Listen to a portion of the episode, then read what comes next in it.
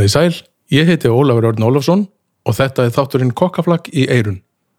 Þessi þáttur er í bóði Ægis Brugghús, þessi þáttur er líki bóði Fastus og svo er hann auðvitað framleitur af hljóðkirkjunni.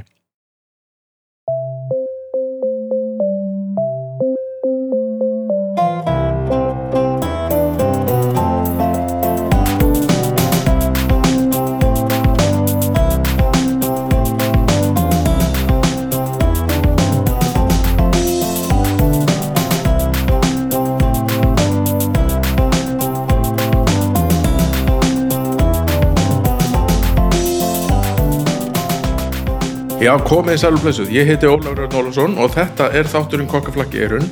Þáttur nummer 5, hvorki meira minna. Við erum hálnu með fyrsta sísón sem átt að vera tíu þettir. Mér finnst mjög líklegt að við höldum bara áfram. Tökum bara sísón 2 bara mjög fljótlega. Ég bara sé enga ástæð til þess að hætta þessu. Mér finnst þetta svo skemmtilegt, sko. Uh, fréttir, það eru góða fréttir í vikunni. Þá fekk Kokkaflakk í augun, sagt sjónvastátturinn Kokkaflakk, fekk viðurkenningaskjál vegna tilnefningar til edduveluna. Mér finnst þetta bara pínu ólíklegt að við fáum það vegna þess að það eru stór nöfn sem við erum að keppa við sko. Þannig að sko spurningin um að vera með þakkaræðina bara hérna. Ég ætla að þakka mömmu og nei þú veist, þetta er ógislega gaman og sjúglega bara frábært að fá hérna ettu tilnefningu á gamansaldri. Bara sjátt átt á Scott Productions, Steina og andra kamerumenn, Allahljóðmann, Halla klippara og ekki síst hann Hannes leikstjóri sem er snillgur uh, gesturinn í dag er mjög, mjög merkileg kona í veitingabransanum sem að heitir Hrefna Rósa Sætran. Hún kom til vinn í heimsókn í bakhúsið á vinstúkunni og við fengum okkur hérna, reyndar ekki vinglas við fengum okkur bara vasklas og kaffi og spjöldum um allt á milli heimis og jarðar. Hrefna með marga hatta hún er hérna sagt, á tvo veitingastæði Nei, þrjá, tvo veit ekki að þú veit bar. Og við talum um náttúrulega eins um bara ástandið COVID og bara lífið og tilvöruna uh, bransan, dansin æskuna, unglísárin og ótrúlegan metnað. Hún er alveg fáránlega mikið metnað það hefur alltaf haft. Hún var hann yfirkokkur á hérna, einu vinsalasta veitikasta reykjagur á hann 25 ára, mér finnst það alveg sjúkla merkilegt. Við, já, við tölum bara um allan fjöndan og vorum ógíslega skemmtileg og ég hlakka til að lefa ykkur að heyra það og, og það kemur bara núna Gjör þess vel, hér er viðtal mitt við Hrefnu Rósu Sætran.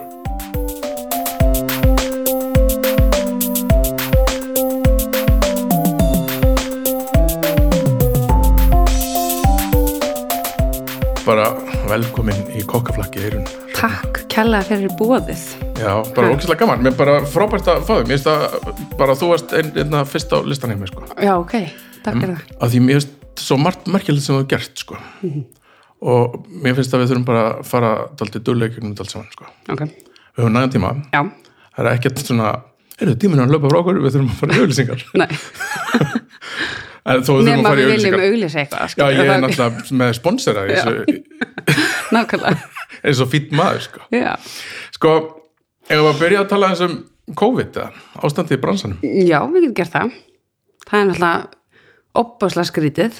Bara fyrir alla held ég. Já ekkit endilega bara veitinga fólk heldur bara eins og núna er ég að lappa til þín mm -hmm. og það voru úst, fjórir á lögaveginu með eitthvað á leðinni þú veist, fólk bara tóku sér nú náttúrulega þriðabilgja og Já. fólk tóku sér bara mjög kunna, kunna allir hvað það er átt að gera Já. fólk byrjaði bara að baka og hérna borða snakk og eitthvað horfa bíó Já. yfir daginn einmitt, og þetta er svolítið, þetta er svolítið skrítið sko fyrir eins og sko þetta er alveg skýrt fyrir þá sem eru bara með bar en fyrir mm. okkur sem eru með veitingahús þá er, þá er snýr, snýrmáli svolítið öðru svo vegna þess að við erum megum við erum ópið mm -hmm. og eigum en þann, veist, þurfum árum ópið mm -hmm. en samt sem aður eru skilabóðin þau að fólk ekki fara út. Þetta er mjög skreitið mjög skreitið og bara, þú veist, ég væri miklu frekar til að bara væri lokað. Mm -hmm. þú veist, bara allstar og bara svo opnað setna en ég held bara að við hefum ekki pening til þess, þess að Ísland. Nei, mitt Það eru glástaðan, sko. En hvað, hver er lausnin? Hvað, þú veist Sko, ég bara veit það ekki. Við erum bara, stöndum ég... ekki að vera heldur en aðrir í heiminum, sko. Nei, einmitt, ég minna eins og í Danmörku núna þá var verið að veita svaka hérna, styrk 90% mm -hmm. af, uh, hvað var ekki veldunni í fyrra? Jú. Já. og ég meina það er náttúrulega er, við erum mjög langt frá því í fyrra. Allir, já, þú veist, það er bara þannig. Já, já, svo er mitt þetta er svo það er, ég, ég, kann ég ekki að tala um þetta. Nei, Þú veist, maður er alltaf að hugsa um þetta. Þetta er bara einhvern veginn í hérna, svona höstum á manni bæði bæði náttúrulega bara smitvarnir og ég fór í test í gær sko, ég er ekki, ég er Já. COVID-frýr. Gott. Við ákvæmum að gera það hérna Já. á vinstofunni að við hérna Já, fara bara öll í próf. Mhm. bara til að vita vegna þess að það er Einmitt. búin að vera samgangur hérna og eitthvað. Já, þannig að maður er alltaf með þetta í höstum á sér. Og samt einhvern veginn getur maður ekki komið með töfra fram einhver nei, lausni, já, best að gera þetta bara svona. Einmitt Þetta er náttúrulega bara úr okkar höndum. Þetta er bara alltaf þannig. En er opið að báðastöðan hjá þér? Öllu? Já, við erum með ekki í skúla, hann er bara alveg bar Já. og hérna ekkit eldús þar inni. Nei, ég veit þannig að hann er bara lokaður en fiskmarkarn og grillmarkarn bæði opið. Og það er bara, við erum með opið náttúrulega við erum með fólk í vinnu og við þurfum að borga vissar hluti og þannig að maður verður bara að hafa opið. Og það er náttúrulega alveg allt í, eða svona kemur svona smá stemming á þessum tímapunkti er þetta bara ekstra núna held ég? Já, að fólk er svona ekstra að passa sig út af þetta er bara nýbúið að gerast. Það er allir hrættir já. Það er eitthvað skemmtilega Nákvæmlega. En þetta er náttúrulega bara eitthvað sem enginn getur að gert. Og ég meina, ég nenni heldur ekki að vera að hugsa hvað eftir viku, þú veist, ég veit ekki hvað eftir viku. Ég vissi ekki, þú veist, að skúli var í lokaður skilur fyrir nokkrum dögum. Nei, og veist, þannig að maður getur ekki einhvern veginn planað þetta. Það er ágætt þessi æfingi nú, núvitund. Mér finnst það, ha, maður þarf bara að vera ég er alltaf að segja að vera bara glaðir og Þú veist, sig. Já, af því ef við fyrir að, þú veist, maður getur dottir náttúrulega bara í mega þunglindi að hella sér eitthvað ómikið í að pæla í þessu. Já, eitthvað sem maður getur ekkert að gert sko. Nei, einmitt, og reyna að búa til kannski eitthvað, eitthvað, eitthvað scenario, búa til eitthvað Já, ef þetta gerist, þá gerist þetta og eins og eitthvað tabluleik einmitt, og svo gerist bara eitthvað allt annað. Þannig að maður verður alltaf já, einmitt. Herðu, ok,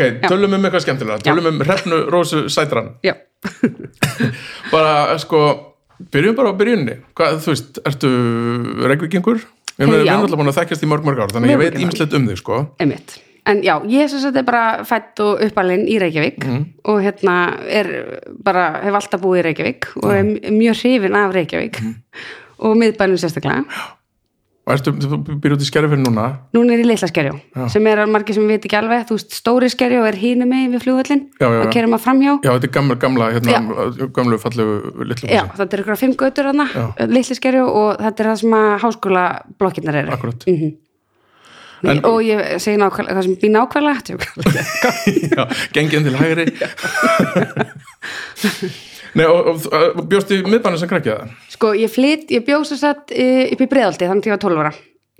Og var í Seljaskóla. Já, ok. og hérna, þar, það var bara mjög gaman að vera þar. Og svo fór ég í eitt og hálft ár upp í Grávog eða svona tvö ár. Já, og svo eftir það flytt ég niður í miðbæ og átti heima á Barónstíg og Njálskutu og, kemur sem unglingur í miðbæn já, og er í tíundabekk í Östubæðaskóla Hvort lítur á því frekar sem breiðilding að miðbæing? Miðbæing bara frá því ég flytt niður í bæ. Og svo byrja ég náttúrulega bara að kynnast krökkum og kynnist opbúslega mörgum í Vesturbænum. Það var einhvern veginn svona að því þegar maður kemur svona í tíundabekk þá maður kynnist í krökkunum þar. Og Östurbæðaskóli er svona lítill þá voru tveir bekkir og ég kynnist einhverjum fimm krökkum sem ég var alltaf með þar. Já. en svo vildi ég kynnast fleirum einhvern veginn og fennir í bæ og svona byrja að hitta krakkur úr Vesturbænum. Já, og þá er ég svona bara allir, þau eru ennþá allir vinni mínir í dag, veist, þannig að ég kynnist þeim þarna mörgum sko og líti á mig svolítið sem svona vesturbæðing líka sko, Já, ok. þótt ég hafi ekki búið í vesturbæðing, þó hefur verið bara í, í, í hundra einum já og þú veist, ég er káringur, eða skilur, ég er ekki, Já, ég er ekki ekki sjálf í fótbolta, en ég er, skilur ég leita í KR og Þú varst í fótbolta samt. Þið stopnuðu einhver svona hvenna fótbolta fyrir nokkur mánu það er rétt, það er rétt, það er hérna FC Já, það er, hérna, er það gangi? já, eða, þú veist, það er til, en það er ekki verið að æfa núna. Nei, og við vorum að æfa bara alltaf á miðutaskvöldum það var geggja gaman, ég þarf að tala við Rakel Garðar sem stafnaði þetta. Og við vorum alveg í búningum og það er logo, svona skriðdryggi sem að Silvía Loftank gerði. Og svo er bara svona nafnum hans aftana og þetta er bara geggjað. Og voruð góðar eða? sumar voru búin að æfa fótbolta þegar það voru yngri og voru geggjaðar en eins og ég, ég var bara svona hægri bakverður og ég var bara alltaf þar bara. Og vonaður að kemur aldrei neitt nákvæmlega. Svo hljópi ég eitthvað svona aðeins veist, en svo var ég alltaf betri og betri. Já, og mér finnst, þú veist, bara íþrótti skemmtilega þannig ég var svona, þú veist, náðu svolítið svona allt í lagi. Fyndi, þetta er hérna þessi saga þarna að flytja í miðbæni já, það er bara eins og mér sko. Já. Ég var Hvar varst 13 ára, Já. ég flytti í miðbæn, eða úr, 14 úr hvað hverfi? Úr bregðaltinu, já, ok. Beint í Östubaskólan já. og ég hef enga tögar í Östurbæskóla bregðalti já. já, geggja. Og hvað varst í Breiðaldi? ég var í hólunum sko, já, já, en ég hef enga tögar hangað en, en tögar í miðbæðin mér leiði óbúslega vel upp í Breiðaldi og ég bjóð með um og afa þar og þú veist, það var æði. En svo einhvern veginn var það bara búið þú veist, ég einhvern veginn Já. þú veist, líti ekki á það sem svona mín, minn kjarna einhvern veginn. En ólstu upp í ömmuðin af þessu þú veist, ég bjóð með, við byggum í sagt, jarðhæð í blokk tvær íbúður hlið við hlið með sameilegum garð. Þú veist, ég og mamma byggum í einni íbúð og amma og afi í hinni. Næs já, þannig ég var bara eiginlega meira hjá veist, ég var rosa mikið svona já, voru þau þá bara heima á daginn og Já, þau voru, þau voru svolítið eldri. Þú veist, þau eru alveg 45 þegar eignast mömmu, sko. Já, já, og þannig að það voru þau mikið heima og mamma var mikið að vinna. Það var, þú veist, in the 80s þegar það var, hérna, kreppa líka. Já, já. þannig að hún var mikið að vinna. Já, þannig ég var bara mikið með afa alltaf heitum matur í hátæðinu já, smákökur, jólakökur. Alveg alls konar, og Nice. mikil, mikil ró þú veist, eins og er hjá eldra fólki. Einmitt. þannig að ég leitaði það. Það er ekkert skrítið. Nei, geta alltaf fengið jólaköku og það var jólakaka hverjum degi, sko. Það var alltaf. Það er aðeinslega já, það næst og hvernig varstu hérna, ég veit að varstu í dansi. Við um það líka saman. Já, varst þú líka í dansi? Í Nei, bara í hérna, í þessum þætti hérna, Já, já, já, auðvitað. keppni Það var Einmitt. Var, ég var í því og þú veist, ég var bara all in í sangamstansum. Byrjaði, þú veist, fjögur ára í því og var í steppdansi og rockdansi og gömludansunum og ballett og jazzballett. Þú veist, ég var öllum, bara dans, ég var öllu dans, hip-hop, þú veist, ég bara, Vá. ég lærði þetta allt. En mitt svona aðal var sangamstansin. Og þú veist, þar var ég að keppa og í fyrstu keppninu minni, þá var ég, þú veist eitthvað 5-6 ára og þá verðum við bara strax í öðru seti og þá fekk ég svona ah, ok, þetta er einhvað sem ég já, er góð í. ég bara byrju medalja bara byrju, Og varstu lengi í þessu? Það? ég var til 14 ára þannig að ég var bara algjör úlingur og mér langaði bara að vera með vinnu mín að gera eitthvað skrið Þótt ekki nóg smart. Þetta var bara, þú veist, það fór svo mikil tími í þetta. Ég var bara, þú veist, ég var að æfa bara næst í alla daga. Og ég var í skólanum, svo fór ég bara nýr í talskóla og var bara þar og ég lærði heimastundu þar, skilur, ég var bara, var bara þar. Svo kom þessi æfing, þessi æfing og eitthvað. Og svo kannski borðaði ég, eða mamma kom kannski sóttu mig og við fengum okkur kvöldmatt, við fórum mjög mikið út að borða þegar ég var lítil og svo fór ég bara heim. Þú veist, ég var bara, ég var rosa mikið í dansskólanum. Skóli, dans, svo. Já, þetta var svona veituna, bara endalust þannig að ég, þú veist, þetta var kannski svolítið mikið, þú veist. Já. en ég náttúrulega var mikið að keppa og ég varð bara að gera þetta til að vera í þessu sko. En svo kom bara að því að ég varð úlingur og vinirnir hérna, ég vildi bara með vinum mínum. Var þetta ekki nóg töff eða? Sko, nei, mér fannst það var aðalega, þú veist, mér fannst alltaf gaman en Já. þetta var aðalega svona hvað það tók mikið tíma Já, já, og ég var að missa af þú veist, það var alls konar partíja þarna og eitthvað, skilur, og ég bara var að missa af því. Færi, er, er eitthvað í þessu núna? herði, ég hef farið í flamingo dansa í kramhúsinu. Mér fannst það ógæslega gaman. En það er bara svo lítil aðsókn í það að það er bara svona einu sinni á fimm ára fresti þá er eitthvað, eða veistu, það já er þá ekki kemur eitt námskeið sem að Já, og ég hef sendið mail bara, er eitthvað tíma námskeið? Og þau segja, að þú finnur eitthvað með þér en ég finn ekkert eitthvað marga með mér. Enga máluðlýsing dansfélagi óskast Björs er ekkert í þessu. Nei, er, þú veist, þetta er svona, hérna flamingo er, þú veist, svona einstaklingsdans. Já, svona auðvitað skóm og með- þú veist, svona, þú veist, Já, trampa, trampa, og, já, já. ógislega cool, finnst mér, mjög flott, já, Já. ég samanlega það er svona, ástriða í því, sko. Algjörlega. Og þú veist, þú færi svona, mér finnst líka svolítið gaman að fara ekki bara ein, þú veist, að dansa eitthvað þarna í klukkutíma, þú veist, það var svolítið svona. Já, líka stemming, fá eitthvað svona förðulega útrás. Nákvæmlega. Eitthvað sem enginn veit, eða þú veist, fáir vita náttúrulega að ég myndi gera þetta, skilur þetta er eitthvað svona já, mætir ekkert í sveifla svöndunu svona eins og var í flamingo Nei, en að varstu dölu nefandi eða varstu ertu dæmigerður maturslmaður sem að ég er, ég er dæmi gerum madraslumæður. Já. Ég var bara, þú veist, alltaf að tala við mannskjörnum við hliðina mér. Þú veist, og bara, ég snýri sjálfnast fram, skilur Mhm. og það var bara, hérna, alltaf kennararnir var reyna að fá aðtiklinni hjá mér og það var eitt kennarar sem kallaði hann alltaf litlu ljót til að fá aðtikli. oi, hann var alltaf litla ljót, eitthvað, ég, og, mér fannst að fyndi þá, sko, og fekk aðtiklina frá mig þannig, Þetta er ræðilegt. Þegar ég segi þetta í dag þá er ég alveg, þetta er svolítið sæðilegt Ói, þetta er ógeslegt. Ég bara, ég myndi rýpast þennan. já, ég veit, ég veit hver ég, veit alveg hver hann er er í dag, ég veit hver hann er heima en einn daginn þetta hafði ég alveg engin áhrif á mig fyrir en ég byrjaði að segja vinkonum mínum þetta löngu setna bara, þú veist, vinkonum mínum í dag það var bara, ha það sagði kennar þetta við þig? Já, hérna. ég veit það, þannig ég var mjög svona veist, ég fór mikið á klústi ég lærði aldrei heima. Veist, ég lærði bara að reynda að klára þetta eitthvað í skólanum Og svo bara þurftur að fara að gera annað. já, svo var ég bara eitthvað að nefnda ekki að læra heima sko, veist Þetta er svolítið viðlóðandi þessa, þessa stjætt sem við erum í, sko. það er alltaf þannig. Það Þetta er heil, hérna, starfstjætt, eða tvær af, hérna, fólki sem er með allirsbrest. Daldið, þetta er bara, það er bara svolítið þannig. Ávirkni og... já, já, bara alltaf hvað er næst og eitthvað. Mm en svo þegar ég fór í kokkaskólan þú veist, já, þá hafði ég áhuga því ég, veist, ég var reyndar, fór í svona hérna, hönnunanám í yðskólanum og mér var, það var mikið svona veist, var fjölbreytt, þú veist, alls konar litafræði formfræði, eitthvað svona alls konar sem ég var læra nýtt. Já, og vinna með höndunum. já, og þar fekk ég alveg tíu öllu bara geggjað, ógæslega gaman, en ég fór í kvennu Mm. ég fór í kvennu, Já. ég ekki hvernig ég eftir er eitthvað svona, ég veit eiginlega ekki um þetta vegna þess að ég var einmitt á sam, sama stað Já, já, já. Hvern og var, var, þykir það fínt eða? já, það var sko, veist, MR náttúrulega var fínast Já. og svo kom eiginlega kvennu og MH eða svona eitthvað neginn, já, já. þú veist og ég var bara, ég var ekki með veist, ég fjall í starffræði í Já. en mamma, hún hjálpaði mér að fara í sumarskóla þannig ég var heilt sumar að læra starffræði og fekk tíu þá í, skilu, Já, að því ok. ég var bara að gera það bara heilt sumar þannig að þá komst ég inn í kvennó sem að var, sem er alveg ekki að skóli ég, ég hefði alveg vilja klára, skilu, ég bara hafði ekki alveg einbettinguna í það, skilu Nei. þannig að um jólin var ég búin að flosna upp úr kvennó. Bara fyrstu, á fyrsta árið? Já, ég fór fyrsta tíman, ég las vittlist á stundarskrana og ég bara, já, ekki að mæta fyrir tíu fyrsta, fyrsta dæmi, sko. Þannig ég fór bara eitthvað, eða einhvern tíman, ég átti að mæta einhvern tíman fór nýra á Fredda, hérna, spilatækja salin og fór bara í Puzzle Bobble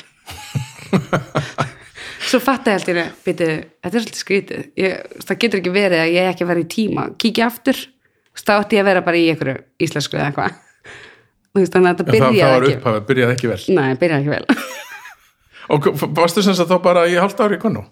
Já, svo komu jólaprófin. Og Já. þá náði ég, þú veist, ég hefður alveg getað tekið mig á og skilur þú veist, Já. ég fekk bara ekki gott í jólaprófinum og þá, þú veist, og ég var ekki vun að læra heima, veist, það er svona og þegar þú ferði í, þú veist, svona stóra þarftu- menn, já, og ég var á tungumálabraut, ég alveg, get alveg lært tungumála, bara ekki kannski svona, skilur, eins og var kent þarna en þá var bara, þú veist, fekk ég ekki nógu gott og þá hugsaði ég bara, æ, ég, á aldrei eftir að geta þetta og ég bara, bara alltaf þetta já, og fórst þá í einskóla Já, þá fór ég í skóla. Eða þá reyndar fór ég í borgarhaldsskóla líka. Ég fór alltaf til að vera ekki að gera ekki neitt. Já, já, já. Þú veist, þá fekk ég að fara þarna, þú veist, hálfa önn í borgarhaldsskóla. Já, mm. Og svo eftir það, þá fór ég í skóla. Ár. það? Hvað? Hönnunarnámið? Já, það eru tvö ár. Þetta er svona undirbúningsnám fyrir, veist, aðra hönnun. Ef ég vil fara að vera arkitekt eða eitthvað svona og er ekki með stúdenspróf, þá gæti ég nota þetta í sumum Já, skóla, einmitt, einmitt, skilji Já, þannig að það, mér varst það spennandi. En varstu farin að hugsa einhver mat á þessum tíma þegar þú varst, varst mannst eftir þessum lítilli stelpu að hjálpa ömmu að búti jólagóku og eitthvað svona Já, ég var, ég var mikið að elda sjálf, þú veist, alveg mjög mikið, bara frá því ég var pingulítil og hérna var alltaf með svona veitingahúsa leiki, þú veist, Nei, jú, þá bjóð ég til svona matsela, þú veist, og gerði eitthvað svona rétti, bara eitthvað samlökum með skinkosti, skilur, eitthvað svona Já. basic og eitthvað kak, eða súkulaði, drikka eitthvað nú eitthvað. Og svo fengu allir matsela, allir hverjir ammu afi og mamma pappa, eitthvað svona skilur. já, já, þú eru ekki að bjóða vinnu vinnum Jú, líka, þú veist, svo við vorum með svona hérna, barborð heima Já. og svona barstóla, svo var ég alltaf settist þið bara hérna og svo var ég að búa til eitthvað handa þeim einhverja drikki og þú veist, Vá, hvað er þetta komið landa? þannig er ég svona, þú veist, uh, 7, 8, 9 ára, eitthvað slags. Þarna var bara komið vísir að fyrsta veitingastæðinu. Já, þannig var ég að búa til svona, mannst þetta er Andras og Andar bókinni, uppskrifta Já, já, það er eitthvað svona, mikið mikka mús var ekki ef mikka mús, já. já, það er svona einhver eggjapóns, einhver eggjadrekkur, ég var alltaf að gera það með einhverjum vaniludrópum, einhver mjólk, egg, vaniludrópar í blender og svona háglös með röri, vá, listu fólk borga fyrir þetta? nei, ég rukkaði aldrei, ég var bara hræðileg í því, Nei, en gestrisnið var komið inn og, og hérna. En fyndið. Já. Og svo var ég alltaf náttúrulega að horfa á hérna, matruslu þetta Sigga Hall og Simon Behason og, já. já, og þessa meistara. Þannig að veist, matar áhug, var dattir aldrei í hug dattir ekkert fyrir í hug í stæðan fyrir að vera í gvenna og vera í kokkin uh, mér datt ekki sjálfur í hug. Mér það ekki í hug, nei. Ég nein, hérna, vissi bara ekkert hvað maður gæti verið kokkur, skilur ég var bara ekki búin að hugsa Já, út í það. nei. þú veist líka bara því að það er svolítið mikið svona sagt manni frá okkur bóknámi Já, já, þú veist, ekki það að fór, þú veist, mamma mín er hérna, hún er grafiskur hönnur var hérna, auðlýsingategnari gamla Mhm. dag þú veist, þannig að hún var í því og pappi fór ekki, ekki sérstaklega mikið í skóla. En, veist, en þau vildu svo mikið skilur að ég færi já, í bóknám. að já, sem er bara æði, ég skil það mjög vel og, og bara ég er líka alveg ánað að hafa ekki byrjað fyrr. Já, þú veist, að því eins og með dansinn veist, mér var svo gaman að vera með vinnum mínum. Mhm. að ef ég hefði byrjað 16 ára í kokkinum ég held ég hefði, þá er ekki getið verið með vinnuðinum nei, ég hefði aldrei fórnaði sko. með, með einmitt veist, það var bara, það hefði verið ómikið Nei og svo held ég að sé bara ekkert sniðut fyrir 16 ára krakka að koma í þetta umhverju sem þetta? veit ekki á sér nei, þetta er svolítið svona líka mismunandi hvernig staðurinn er Já, já. þú veist, en alltaf það sem við vorum saman, hérna að vinna. Það var mikið partí. Ég hef ekki búið neinum 16 ára krakka að vera það sko. það var Það bara ekki sniðugt. 19-20 ára bara yngst sko, ég held ég. Já, það, já, já, einmitt. Já, Já, ég, þú veist, ég var komin í þetta umhverju við 14 ára sko, en það er reyndar bara tölvört fyrr, skilur það bara inn í 80s Mhm. og þá var maður bara trýtaður eins og fullorðin sko. Já, nákvæmlega. Og bara, hérna bjór þetta vatnina, ekkert mál. Já, ok, það var reyndar ekki til bjór, það var bara vatnina, Já. bara 14 það Hvar var þetta? Það var lækjabrekku. Já, ok. Það var ekki uppaskið, bara á 12 tíma vöktum Já. sem fyrir maður, já, það er rosalegt. Held ég. Það er crazy. Ég á 14 ára strák núna sko, ég segi hann ekki gera þetta. Nei, já, fyrir það, ég myndi aldrei vilja bjóða hann upp á þetta sko. Nákvæmlega. Þetta er náttúrulega, þú veist, þú kemur inn í svona veitingastað, þá þarftu bara að taka þátt í þessu. Sama að það er enginn að pæli hvort gamall eða, Nei, þú bara hvað þú ert. Akkurat, sko. Tekur þátt í kultúrnum. Já, sem að, já, förum í það betur setna það er, það er sér kapituli og sér umræða sem að það er bara að taka Já. daldin tíma í En þegar þú vildir ekki halda áfram með þessa hönnunarpælingu? sko mér langaði að vera svona vöruhönnur Já. þú veist, mér langaði, mér fannst það mjög spennandi og eitthvað, þú veist, ég var að búið til eitthvað stól og eitthvað svona, mér fannst það mjög spennandi Mm. en svo fór ég bara í kokkin og svo hugsaði ég bara, "Æ, ég ger það kannski bara setna og þú veist, mér finnst það alveg ennþá svolítið spennandi. Bara þú ert um gömul kona já, þá fyrir að byrja til stóla. Nákvæmlega. Eða þú veist, maður getur gert svo margt í dag þú veist, ef maður, maður er svona sankar að sig alls konar -hmm. og læri kannski vörunum og mat, það getur maður búið til eða veistu, Já, þú veist. nákvæmlega. Þannig að já, það bara inni. En þú segir að þú, er ekki fattað að vera hægt að vera kokkur. Mm Hvernig fattað það svo? Kom einhver að sagði þér það? Herðu, ég fer með, hérna, svo eru vinkonum mína sem er einu og yngri en ég, þær eru að útskrifast úr MR og hérna, ég fer með þeim til Benidorm í útskriftaferð, af því ég vildi fara í útskriftaferð, Já, þannig að þú fórst, bara með þeim. ég fór með þeim. Já, og bara ég, hérna, viss alveg, ég var ekki að fara í útskriftaferð, eða svona, búin að klúra þarna hvernig og eitthvað, þannig ég bara, ég fer bara með ykkur. Og vinkonum mín var eitthvað, ég að taka með mig bók. Og ég eitthvað, ok, og var alveg heima að pæla bara, taka með mig bók, hva, hvað bók á ég taka með mér? Og ég tek með mig matarost. Eftir þennan Veistu ekki skrítið? Ég var líka bara því að maður má bara með 20 kíló í farangri Ég tók matarost með mér til Benidorm þegar ég er 19 ára. Það er brjála Já. Þá var vinkonum mín að meina eitthvað svona skaldsögu eða eitthvað. Já, já, ég eitthvað bara- til að lesa á ströndinni Já, en þá var ég bara eitthvað með matarost.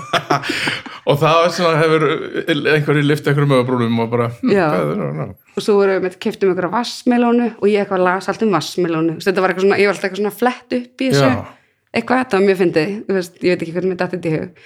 En þannig einhvern veginn fatta ég, skilur, já, mist, veist, ég hef áhuga á þessu. Bara, og hérna, bara hugsaði, bara já, mér langar eitthvað að gera við þetta, en ég hugsaði ekki, ég ætla að vera kokkur. Veist, þarna var ég bara eitthvað og svo kem ég heim og segja með mig, hérna, herðu, ég held ég hafa bara svo mikið áhuga á svona matar og hún eitthvað, ég sá einmitt að vera að auglýsa eftir hérna, kokk á leikskóla, þeir á, hérna, þeir skuggakverfinu, sem á, þú veist, ég man ekki held að þetta er lindargata eða eitthvað. já. Já. Og hérna ég bara, já, kokkur á leikskóli, ég bara, ég hef aldrei inn í eldhús, ég hef aldrei, veist, ég hef aldrei komið Nei. inn í svona, ekki nema bara eldur svona þannig á veitingastöðnum þá varst aha, já, heima hjá mér. Já, Já, þannig ég var bara eitthvað svona, ok, ég prófa þetta og sækjum og fæði þessa vinnu. Og þá er þetta náttúrulega bara að gera svona brauð með osti Já. fyrir lítil börn. Og þetta er bara, ég fer hann í einn dag og geri brauð með osti fyrir lítil börn og svo ringi pappi mig og segir, heyrðu, hérna vinu minn er á apotekinu og þá er hann hérna Siggi Sigmars. Já, og hann sagði að vantaði eitthvað að vinna í heldúsið og hvort ég vildi prófa þú veist, að koma þangað. Og ég bara sló til Mm. og þá byrjaði ég sagt í alvörinni og ég var bara dag á þessum leikskóla sko. hvað var það sem að heitlaði þig í, í, við eldur sér, það maturinn eða stemmingin?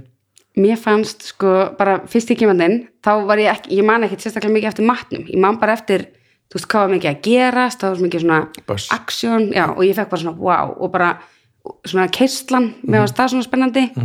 Og svona, þú veist, bara pressa mér fannst það svolítið skemmtilegt. Einmitt. þú veist að vera svona að maður þurft að skila einhverju og þú veist, gera eins vel um að gat og mér fannst það svona í byrjun vera alveg, já, þá ég sogaðist bara inn í það daldið, já, það fyndi, ég var að tala við Jakob á hotninu já, um daginn já, og það er sama. Já, það, og, og ég líka, það er einhver svona það er einhver svona galdur, einhver stemming sem að maður bara horfði yfir þetta, ég vissi ekkert hvað var að einhvern veginn, en ég var bara, wow, þetta er geggjað bara, þú veist, já, æði já, það er mitt sko, og það þarf sérstaklega karakter í þetta.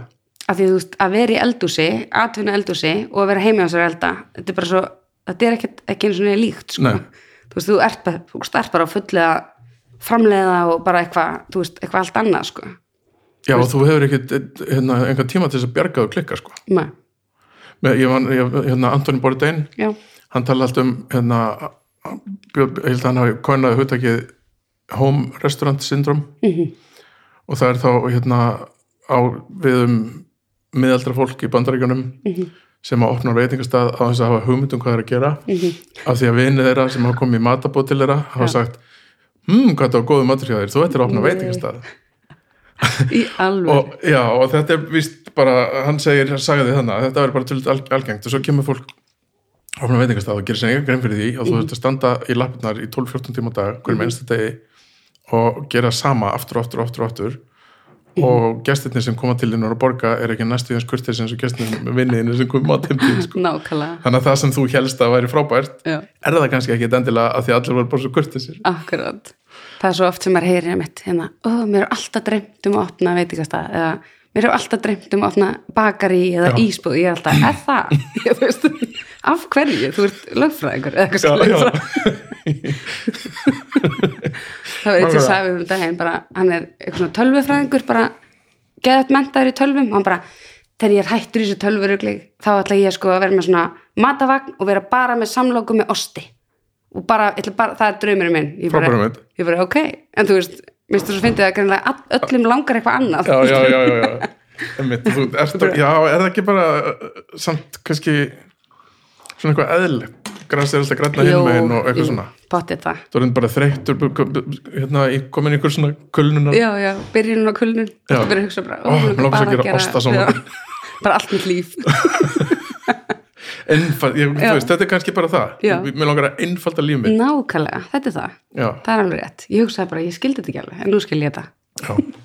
en við vorum, við vorum samt, já, þú varst að byrja að læra kokkin á apotekinu. Já, þú kemur þetta inn og, og verður ástofangin af börsinu og fjörinu og stöðinu og stemmingunni. Mhm. og ég man alveg eftir þú komst þetta inn sko. eða svona, nei, kannski man ekki eftir fyrst deginu þínum, en, en sko að því bara, bara hérna líkamlega Mhm. Ertu svona helmingi minni heldur en allir aðra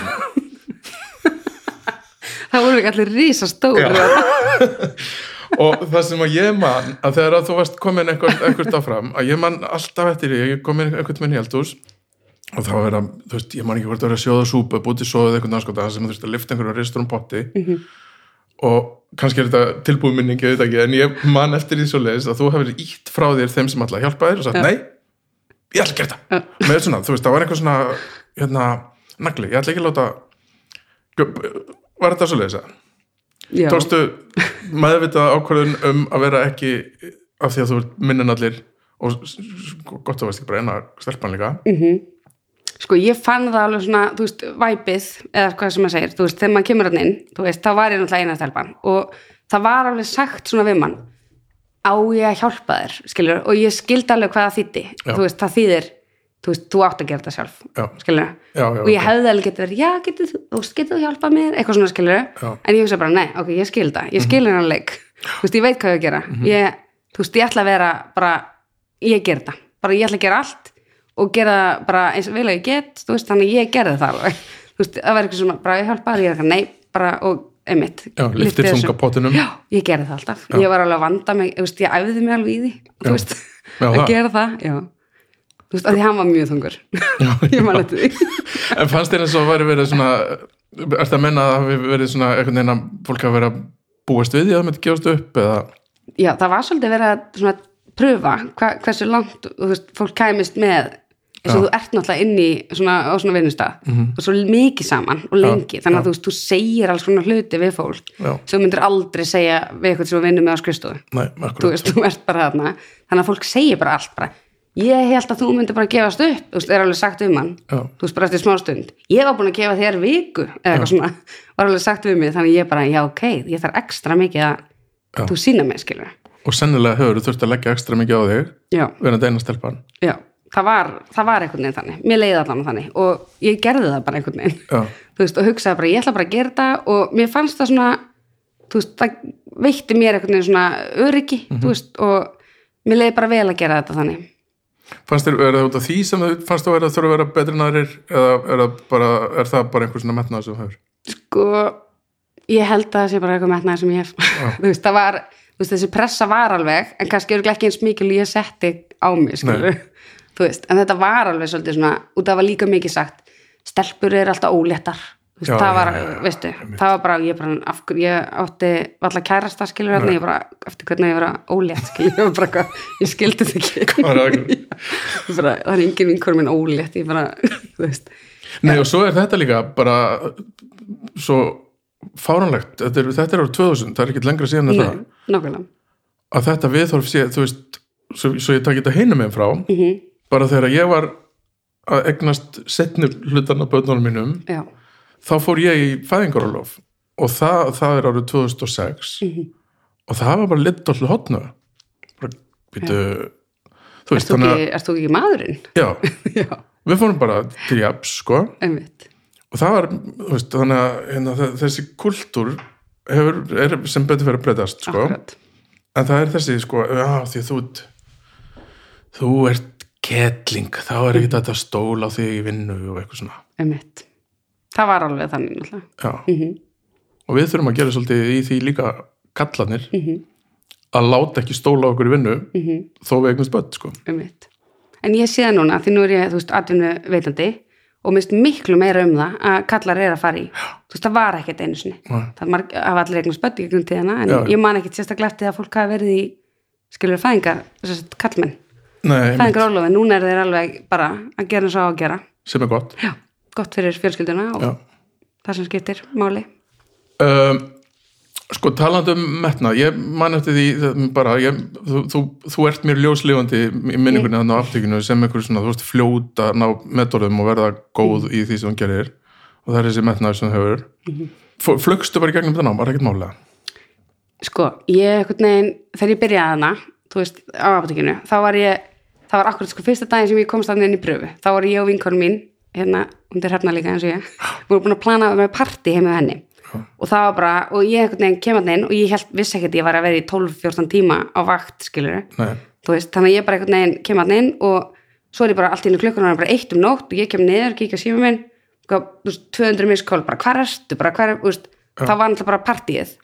Og ég bara svona misti af partíinu og ég var svolítið svona, æ, ok en ég einhvern veginn sogaðist bara alveg inn í, þú veist, kokkaheiminn Mhm. og bara útilokaði svolítið allt annað, þú veist, og ég var bara þú veist, ég var alltaf að ná afdekinu og ég meiri satt, þú veist, hérna tók uppfaskið oft einhvern veginn, Já. þú veist, ég tók alveg ég var svona, já, ég er báðið að taka bara tók tvo mánuði hérna eitthvað uppfaskið á móti bara eitthvað algjörðrögl þú veist, þannig ég var bara svolítið í þessu. Og, ég, og svo var ég, ég kom ótrúlega oft bara niður á að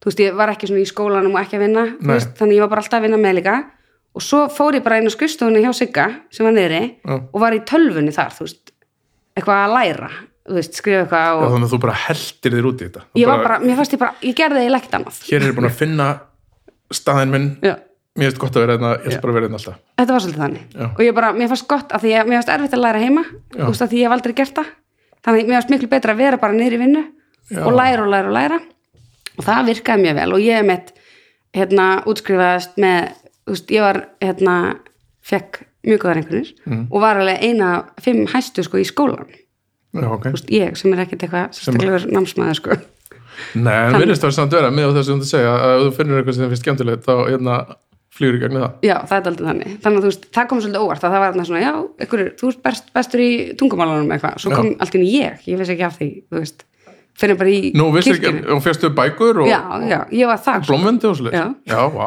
það er svolítið fyndið. það er geggjað. Ég segi að séu ekki oft. Nei, hvaða bók veistu? ég fekk einhverju kokkabækur, Já, bara einhverju nokkrar, alveg einhverju fjórir eða eitthvað. Eitthvað svona um, hérna, krydd, þú veist, bara svona alveg basic eitthvað, þú veist, einhverju, einhverju græmyndisbók og einhverjum krydd og eitthvað. hvað férstu öll velunin eða? ég fekk, þú veist, alveg nokkra bækur einhverju fjórar, ekki, ekki öll velunin, en ég var eitthvað svona eina af fimm hæst, eða skilur yfir allan, yfir ekki bara hótel heldur líka yfir mentaskólinni Kópói Já, já, Þú veist. þú, þú varst þar. Þannig að þú fyrir full sjálfströst út í það að vera maturslu maður. Úr því að vera maturslu nemi.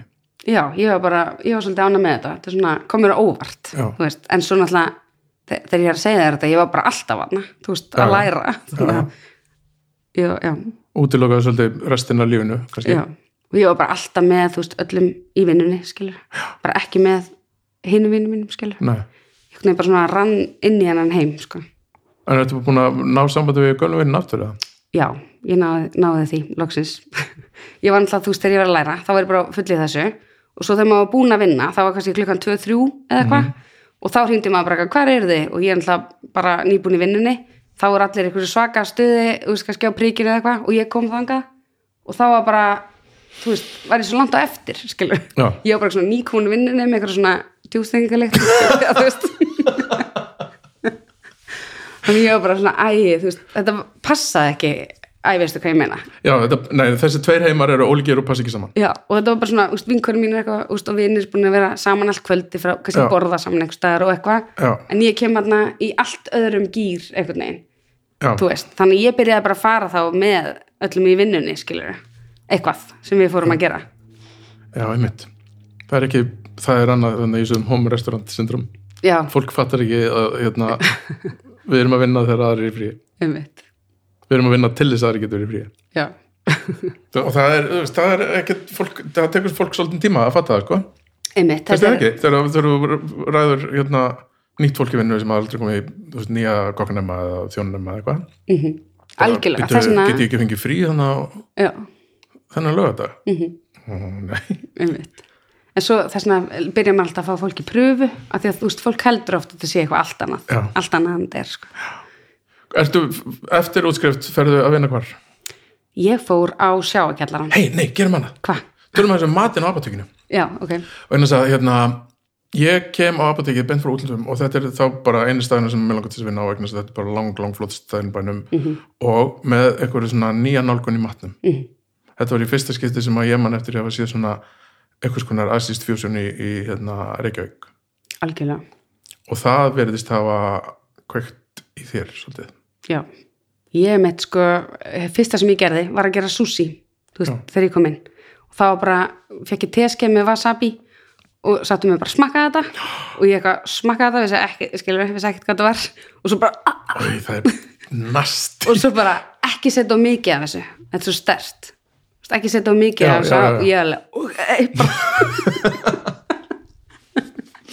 Þetta var ástæðan fyrir ég elskaði Já, en pældi ekki það er samt fyndið. Í, í Japan þarftu að gangi gegnum sex ára háskólan þar sem þú gerir ekkert annað en að- að skóla grjón í þrjú áður en getur fara að búti svo sí fyrsta daginn hér Ég var bara að gera svona rískunum kotta, bara eitthvað En það var náttúrulega bara, þú veist, fín tilraun. Eða þetta var alveg fínt súsi með að við hvað var. Já, já, já. þú veist að því nú er ég búin að læra opbúrslega mikið um súsi og hefur mikið áhuga á því þú veist, en með að við hvað þetta var lítið lagt í þetta, Já. var þetta alveg fínt Já, já. Já. já, já, mjög vinsælt sko. Og svo vorum við með túnfisk, það fannst Já. alltaf best. Þannig að feskan, náttúrulega svona bleikan túnfisk, Já. fyrsti staðar á Íslandi. Já. og ég man alltaf, fólk spurði bara, byrju, hvernig er grillið þennan túnfisk? Er hann grillaður í dósin var ekki, þú veist þú verður ekki að fengja meiri þannig spurningar og bara gæti hrátt? Mm. einmitt. Bara akkur svona bleikur en var það, var er það þá sem að það kannski þangað sem ég reyna að komast. Er Já. það þar sem að kveiknaði einhver svona asísk að þú er búin að vera, vera þar síðan? Já, sko ég bara veit ekki nákvæmlega hvað gerist en ég er óbúslega svona á þeirri bylgjulengt, bara líka í lífinu veginn, ég er hrifun af öllum þessum hlutum frá Japan og Asíu og hvað, þú veist, mér finnst það bara skemmtilegt. Og maturinn fyrst mér ógslag svona góður og einfaldur og þú veist, svona bragðið höfða til mín þannig ég var mjög heitlega af þessu og bara, það er pottið alveg svona hefur verið fræ í hausuna mér. Já. að byrja þarna. Þekktur það eitthvað áður eða? af þessum asíska mat. Já, bara eitthvað sem ég hafði séð í sjónvarpinu þú veist, í einhverjum þáttum, maturaslega þáttum. En ég var ekki mikið búin að elda veist, kannski einhverja núðlur bara eitthvað svona, þú veist. En það, núfusúfur eins og Já. en það var náttúrulega ekki mikið af svona hráefni þá, Nei, þú veist, þetta er rosa eins og við íslendingar erum, það bara veist, mikið alltaf ef það kemur eitthvað nýtt, þá erum við bara mjög fljóta að koma með það til landsins og veist, við eigum allt hérna eiginlega. Já, núna? með að við hvað við erum fá já, þá erum við með rosa úrval alltaf. Já, já, það er alveg sett já, já, vínum. Já. Jú, en það, veist, það er að koma, þetta er bara allt sem við erum á mjög ekki, maður á ekki að vera að væla svona. Og síðan ferðu á, hérna, verður yfirkók bara strax, eða? Nei, ég fór sagt á sjáakjallaran og þá er uh, hérna 2004 og ég er að vinna þar í kannski svona eitt ár eh, sem, sagt, sem bara á opninum með, með öðrum kokkum. Og svo hérna varði yfirkokkur þar Já, á sjáakjallaran og það var ógæslega gaman, það var líka svona svipa alveg brjála að gera, Já. þú veist, mikil pressa. Hvað ertu gömul hérna? ég er fætt sko 1980 þannig ég er 24 24, Og var yfirkókur og vinsast að veit 25 þegar ég var yfirkokkur, já. Já. Já, þannig að En það er náttúrulega alltaf magnað að vera hérna 25 ára yfirkókur og vinsast að veit veitingast það er ekki já, það, það, er, það er þegar þú segir það, ég hef aldrei eitthvað fælt svona, Hugsaður ekkert um það þá, eða? nei, ég bara einhvern veginn mér lang, ég var alltaf bara svona, mér langaði að gera þetta og langaði að gera þetta og langaði að gera einhvern veginn og bara, þú veist, hætti ekki fyrir en ég einhvern veginn var komin þangað eitthvað, Já, þú ert með svona klikkað með það já, og ég var einmitt, þú veist, á sjáakjallarann, þá var ég ennþá í þessu bara að ég var bara alltaf í vinninni, skilur ég var alltaf með vinnukrökkunum, alltaf þarna var ég ekki byrjað að vera með gömlu vinnum Nei.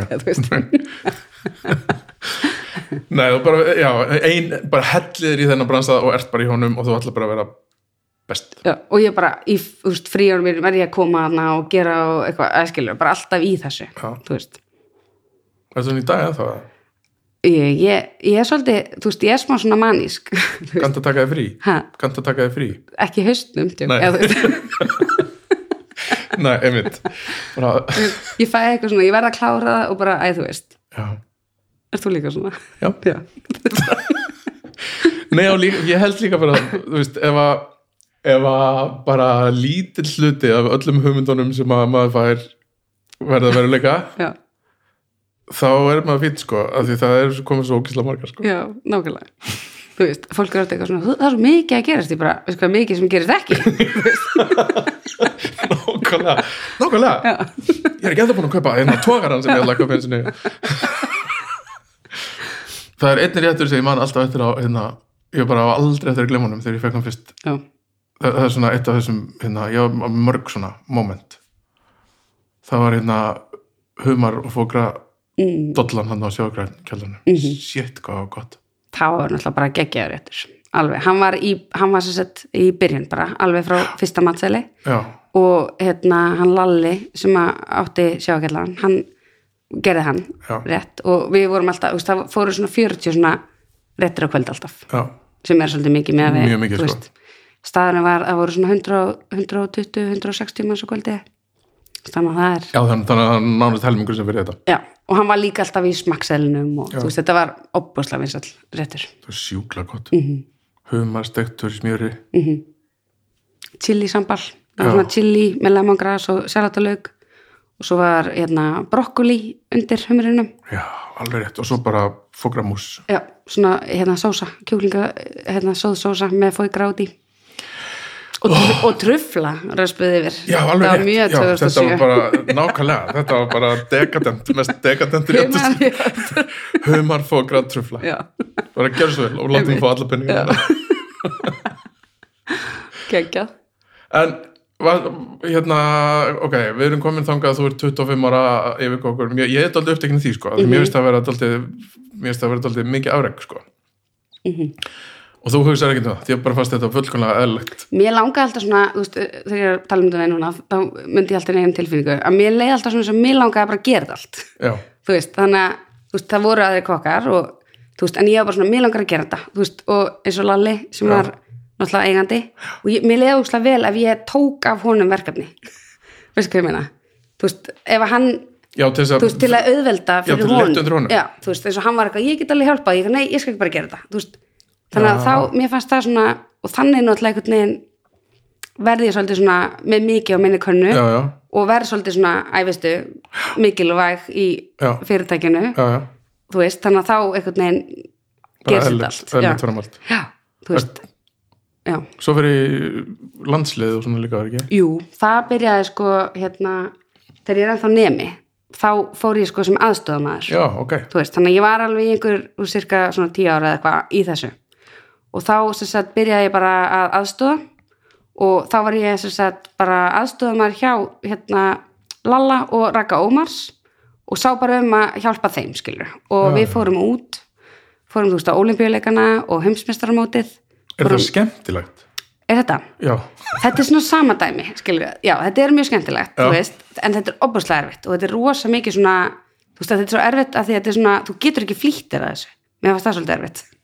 Þú veist, þú, get, þú verður bara, þú ert að búa til matinn og hann þarf að kólna í þessu formi, þú veist, já, til að hann líti fullkomin út, svo þarf að taka hann úr forminu, kæla hann aftur eitthvað, dífa honum í eitthvað hlaup, býða að það harni, reynsa það, dífa honum aftur, þú veist, þetta er kannski svona endalaus tveir sólarhingar þú veist, þú nær ekki að sofa. Þú veist, þetta er bara, þú veist bara í þessu og verður opaslega þreyttur þú veist, og svo er þetta að setja upp borðið með kaldamatnum og þetta er opaslega svona, þú veist, þú getur ekki drifið að þessu. Þetta er svona, þetta er svona senuð vinna. þetta er svolítið þannig já. Já, og þú veist, og svo ertu bara opaslega þreyttur og fer að sofa og svo ferðu niðurstöðuna, skilur hvernig gekk. Og það er ekki gaman þú veist, við vorum búin að vinna alveg frá því ég byrjaði.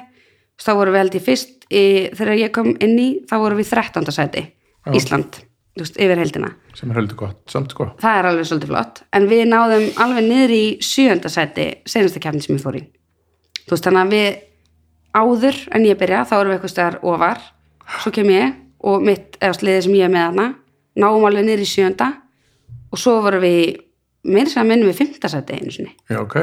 og svo er sko Ísland hefur verið þriðja sæti held ég, Nú síðast var ekki. Þú veist, að við erum búin að er vera? Getum við analýsera það eitthvað? Hvernig stendur á því Já. að þessi pinkulilla eiga út í ballarhafi er lendur svona hátt í svona keppnum? Sko þetta er bara, þetta er svolítið svona, uh, snýst um að læra af því sem þú gerir seinast og taka þátt, skilur þetta er svolítið, þú veist, þú ert svona, En hinn er á því líka, sko. já, en ég veit ekki, sko, við erum alltaf, Norðurlöndin eru opaslega góð í matræslu, þú veist, og mér reyndar er ótrúlegt, út af íslenska landsliðið er alltaf fólk sem er að vinna á veitingastöðunum. já, Hinlöndin eru mjög oft bara með fólk sem er bara að vinna, kannski kennar í skólanum, kokkaskólanum, vinnur í þessu mötuneyti eitthvað fólk sem er ekki alveg í veist, að taka hitan af að standa á vaktina, veist, en við vorum öll aðna og veist, í dag er þetta eru einhverjir sem eru að vinna líka í heldjóðslunum og eitthvað á Íslandi, Mm, það er eðlilegra fyrst mér já. að það fólk sé í þessu liði. Já, þau eru búin að bakka eins út úr grændinu. já, af því þú veist, þetta var, þetta var crazy, ég var kannski bara sem bara að vinna á sjáakjallarunum bara, svo ætti ég eftir að gera eitthvað kartöflurringi og það var kannski lögðasnótt þá var ég bara í eldur svona sjáakjallarunum að gera kartöflurringi bara allan nóttina þú veist, að ég þurfti skilur á á mándeginum eða eitthvað og var að vinna á sunnundeginum Já, þannig ég þurfti að gera kartöflurringina skilur, já, já. þú veist, ég var ekki eitthvað það var enginn sem kom bara og leisti mig af og ég gerði kartöflurringina veistu Nei, þú gerir bara eftir vakt. eftirvakt, Já. veist, þannig að við vorum öll í einhverju svona, þú veist, svolítið mikið að bara vinna, veist, þannig að maður var bara endalust í þessu. En mér finnst þetta aldrei merkilegt að hvað, hvað, veist, bara, veist, logistics í þessu. Við erum miklu færri heldur en allir aðrir, en við erum samt, þú veist, bara eins og búkustór. Við erum aldrei Já. lent undir, hvað, var ekki stulli ykkur sjöndi áttunda eitthvað? sem að var hæðsta, jú Nei, lagsta. í bókustóri er hann Hákon Já, Hákon og, og, og, og hann hérna, uh, Viktor, hafa verið í þriðasæti. já, En er ekki ég held að ég, kannski man ég þetta alls ekki rétt en mér minnir að við höfum aldrei nefnt til neðarheldur í einhverju sjönda nei, einmitt, ég held að, já, kannski níunda eða eitthvað. Já, Og, og það var í fyrst já, skipt sem það já, farið akkurat. Nei, Þannig þetta er bara, við erum bara líka með svo flotta, þú veist, bara eins og ferða veitingast á Íslandi, þú færð aldrei eitthvað þú veist, kannski í útlöndum það færð eitthvað mjög skrítið, já, það er alveg erfitt, erfitt að finna vonda máltíðina sko. það er svolítið. Þú veist, við erum bara með svolítið gott svona góðan standard, fyrst mér, af kokkum og fagmennum bara í þessu. Er það út af skólanum eða? Er það bara út af einhverju öðru? Ég held að sé bara út að við erum bara lítilega hérna veginn og veist, getum alltaf hort til hvers annars og æfistu, kannski við erum bara svona sko, í skólanum lærum maður alltaf ekki sérstaklega mikið. Segjum það bara upp átt þú veist, þú ert svolítið svona að gera það sem þú veist að gera á veitingastæðinum og jú, jú, þú farið eitthvað svona verkefni og svona en þú notar það ekkert mikið í þú veist, ég hef ekki gert mikið af seiði þú veist, eða gruggrinsað nei, það er ekki gert mikið af því. Nei, en þú veist, í sveinsprónum mínu gruggrinsaði eitthvað áttasunum, skilur Já. þú veist, ég nota það ekki. Nei, ég hef, jú, ég hef alveg gert það kannski tvísvar á 20 árum, þú veist. En veistu, þannig að ég bara meina það. Veist, en meina- þetta er kannski eitthvað svona grunnur já, og þú ert líka að kynnast öðrum, öðrum í bransanum Já. og þú veist, tala, þess að ég lærði opaslega mikið af því að bara kynnast öðrum já, nemum, þú veist já bara fara á barinn bjór Já. og, og, og hérna fara þessi gegnum þetta. Og svo var líka, þú veist, það sem ég gerði mikið í gamla dag var í gamla dag þegar þá, þú veist, fór maður mikið að vinna bara á hinum stöðum Er það? já, ég fór til dæmis á holtið og ég var að vinna þar alveg svolítið lengi alveg, þú veist, ég fekk mér svo jólagjöf þú veist, ég var að vinna svo mikið þar. Þú veist, bara á hinni vaktinni. Hvað er meðfram, já ok. Bara ókipis, eða skilur, bara til að læra. Já, já. þá fór ég hérna að fylgjast með og gera eitthvað og þú veist, ég var bara komin inn í það að ég fekk jólagjöf, skilur, frá holtinu. Næs, mástu hvað var? eitthvað vínflaska og eitthvað svona matur bara eitthvað svona ostur og eitthvað skilu, það var eitthvað leys já ok, ég gerir mér ekki grein fyrir þetta tíðkast. Ég- svo fór þá- maður á Hotel Sögu upp á grill og Já. þú veist, já. Þannig að Var það margir í þessu? Ég gerði mér enga grein fyrir þetta. sko við vorum svona þú veist, þetta var einhvern veginn tíðkast þarna og við vorum nokkri svona vinir sem að, þú veist, gerðum þetta til skiptis fórum bara á staðina og bara til að sjá og svona víka sjóndildar Já. Mhm. Hvert eru komin í tímalínu? Þú ert að sjá ekki allanum. Áriðin yfir okkur, við erum ennþá þar. Já, því. Öllum þessum tíma sinna. Hérna, hvað svo? Herra, uh, svo er sem sagt uh, Lalli og Ágúst Gústi, þeir eiga sjákjallan saman Mhm. Og svo ákveðum við sem sagt ég og Gústi að fara að opna fyrstmarkaðin og það gerist 2007 og þannig að hann er sem sagt lærið þjótt og ég er kokkur. Og hérna við bara fórum í það verkefni. Já. og það var bara ótrúlega skemmtilegt. Og bara, mér langaði alltaf. Ég man bara, þú veist, hérna frá því ég byrjaði á apotekinu, þá man ég bara eftir guffa, þú veist. Ég var bara svona, hvað er hann að gera alltaf skilja, ég bara svona pæli hvað allir voru að gera þú veist, og ég bara, já, mér langar að eiga veitingasta mér finnst það svona, Þessi já, Þessi er döf. já, mér fannst svona, þú veist hann er alltaf frábær, bara Hann er 60 og hann er nýbúin að fá sér datu. Hann er nú 70 í dag. hann er geggjaður í dýrkan. Já, ég er sammála. og ógislega góð fyrirmynd einhvern veginn og bara, þú veist, mér fannst svona spennandi að vera inn í öllum málum Mhm. þú veist, þurfa að pæla í þessu öllu. Veist, ekki bara pæla í þú veist, það er líka alveg gaman skilur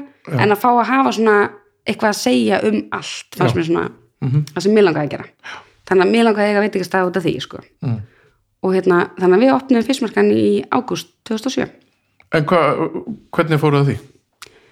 herði, það var náttúrulega mjög erfitt Bara svona, var þú veist, þú ekki sínum bara peningalega. ég er að segja það, út af það var hérna í kreppunni, Já. þú veist, í hrununni það er við bara eitthvað, þú veist, búin að ákveða þetta og ég átti engan pening og Gústi átti engan pening, en það var fyrir hérna veitingastæður sem ég hétt Maru sem Guffi átti Alveg rétt. Þannig að við einhvern veginn, þú veist, förum tölum við hann og kaupum okkur inn í það Já. og ákveðum á x tíma að kaupa Guffa út, skilur Já. Veist, þannig að það meikaði sens fyrir okkur öll Mhm. þannig að við vorum ekki eitthvað að fara að taka eitthvað brjála lán skilur Nei. heldur gerðum þetta bara svona eðlilega og þú veist, við öll, jú, við komum með peningin skilur en bara eitthvað svona sem var viðræðanlegt Mhm. og þetta var alls ekki eitthvað svona og við gerðum allt sjálf skilur, við vorum bara þú veist, ég var næstu eitthvað að tengja rafmagn eða skilur, þetta var, maður var alveg í því bera allt inn og þú veist, mála og veist, það var ekkert kallaði neitt, veist. Þannig að þetta var bara svona alveg bara gert af okkur og svo var úst, fólk sem var að fara að vinna hjá okkur voru bara með alveg svona lágmarks. Já, en þau voru líka hjálpa alveg í byrjun og voru bara öll að gera þetta svona saman sko. þetta var strax vinsælt, já, bara hitti í mark. Já, þetta kannski vantaði. Þetta var svona aðeins öðruvís en sjáakjallarinn það var svona einfaldari matur. Mm þú veist, í, á sjáakjallarinn var meira svona fusion alveg, kannski, þú veist, ég taldi einu sinni voru 36 brögð í einum rétti. Já, þetta er veist- alltaf mikið. já, það var einn túnfiskréttur sem var bara með svona 36 ég var bara, þetta er svolítið mikið og ég veit, mér varst alveg allt í læg og veist, ég var bara komið smá leið á því sjálf. Þannig ég hugsaði að mér langar að gera þú veist, þannig að bragðið finnst meira af matnum, sko. Það var einhvern tíma að sagði einhver við mig og það situr í mér, ég man ekkert hver að var samt að það situr í mér þessi setning að það er hérna, þessi skilur á milli þess sem er góður upp út mat og þess sem er hérna, ekki eins góður í því er að vita hvernig þú ætti að hætta bæta við. Mm, hvenar nóg er nóg, skilur akkurat, að því þú getur verið með 36 atrið sem öll eru góða bræðið einmitt en þarftu þau í alveg nöll þú veist, þarna var ég með, þegar ég var að borna rétt þá var ég alveg, ég veit ekki hvort mér finnst þetta gott eða hvort þetta sé bara allt 30, eða, skilur, Já, ég veit akkurat. það ég eiginlega ekki, skilur, sko. þetta var taldið þannig pæling. Veist, þannig ég var komið smá leið að því. Og svo langaði mig óbærslega að gera þú veist, svona ótrúlega fest. Þannig að þú veist, við vorum eins og kóngakrabbi sem við verðum með þá já, með, er sko. hann ennþá það? já, hann er bara, þú veist, kóngakrabba klær með chili majónesi geggja sko. Og svo, svo röspuðu svona sítrunubörka yfir og svo skerum við sítrununa þú veist, jafn óðum. Þú veist, að því að þegar þú skerð eins og í eldúsum, þá er alltaf preppa Já, undirbúa, já, já. þú veist, þessi skerð sítrunur já, þá er hann búin að tapa djúsiness já, strax. hún er bara, þú veist, orðið þurr og eitthvað, þannig þú veist, við það var svona mitt aðal dæmi, Já, já. skilur að skera alla ávexti jafn óðum, veist, og gera þetta allt bara svona eins mikið jafn óðum og gast. Í staðan fyrir að vera búið til eitthvað 36 bröð, skilur einmitt. Mega sens Mhm. og kannski þess já, þetta var, þú veist, þetta var svolítið svona nýtt. Já, já, og hvað ár sagði þetta verið? 2008? 2007 2007? já, já, þá er all penning. Það var, við náðum smá að því. Þú veist, þá vorum við með hátegi og þá var úst, fullt að gera í háteginu og allir eitthvað í vínu og mat og eitthvað og Já. brjála að gera kvöldin og svona. Já, þannig að við náðum smá að því.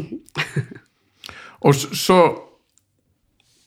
þeir Gústi er ennþá að vinna saman. Já, við, sko hann alltaf átti þú veist, hann var annar eigandi þar já, og hérna einn af eigandunum þar og hérna þar kynnust við alveg 2004 þannig að við erum búin að vinna saman í bara, hvað 16 ár? Já, já, ég var stoltir lengi að já regna ég vil ekki alveg.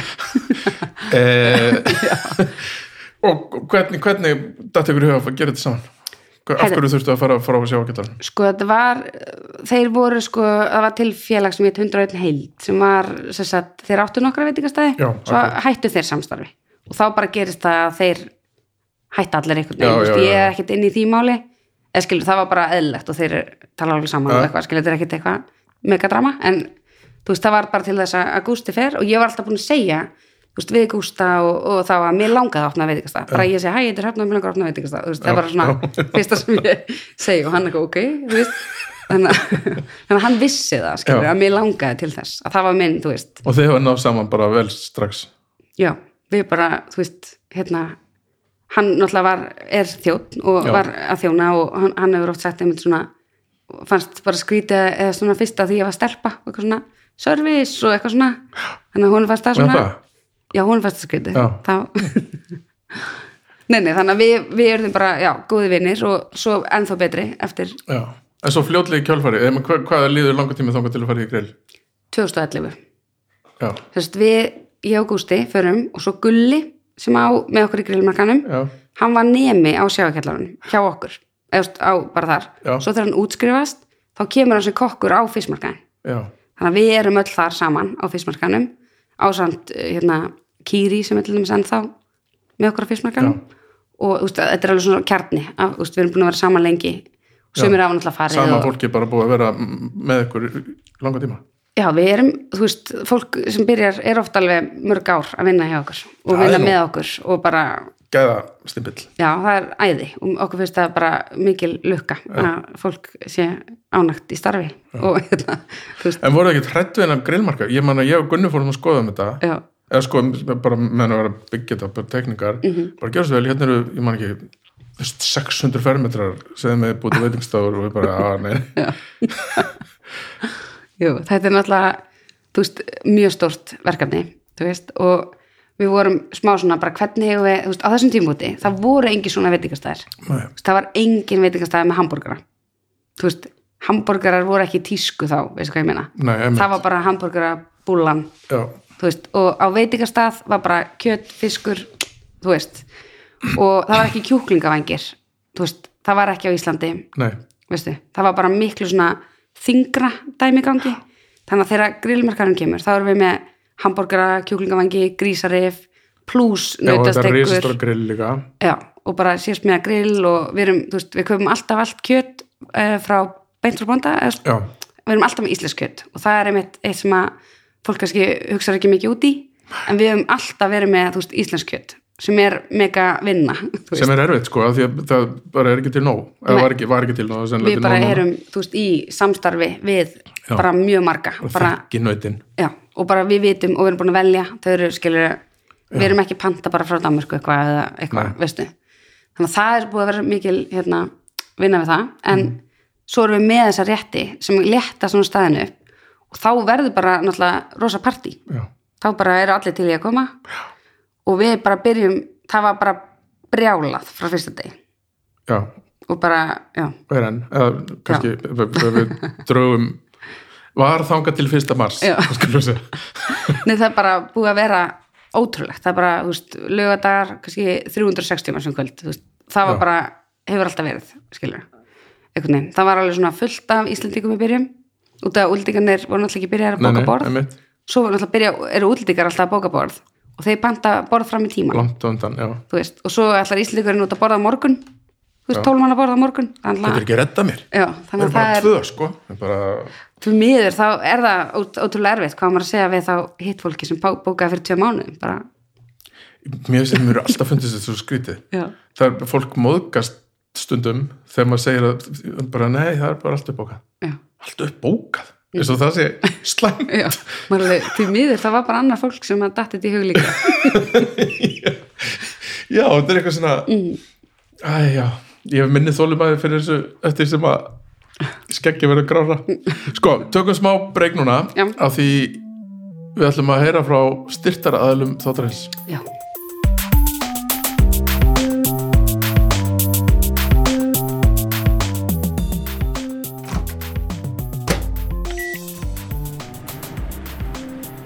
Sko, þessi þáttur er í bóði Ægis Brugghús. Ægir Brugghús er brugghús út á Granda í Reykjavík og þar stendur bruggmeistarin Ólafur S.K. Þorvalds vaktina og býr til helling af framúsgarandi skemmtilegum bjórum sem fást í ríkinu og á völdum börum í Reykjavík. Hann kemur reglulega með nýja bjóra en nokkrir eru þó alltaf til. Það er til dæmis Fantur sem er kaffi IPA og vefur vinnbóðurinnar segir að hann sé rafgullin óskýr, ósætur, þéttur, beskur, kaffi, bar, korn, karamella. Hann er bruggaður í samverðum við kaffibrúkósið þar sem Sonja Grantræður ríkjum og er framúskarandi góður. Aðrir sem alltaf eru til eru bara bjór sem er ale og juice sem er skíjaður lagarbjór með miklum karakter.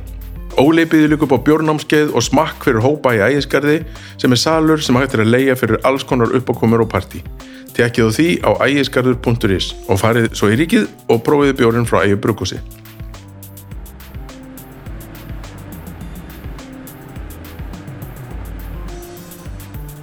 Nú, þessi þáttur er líka í bóði Fastus.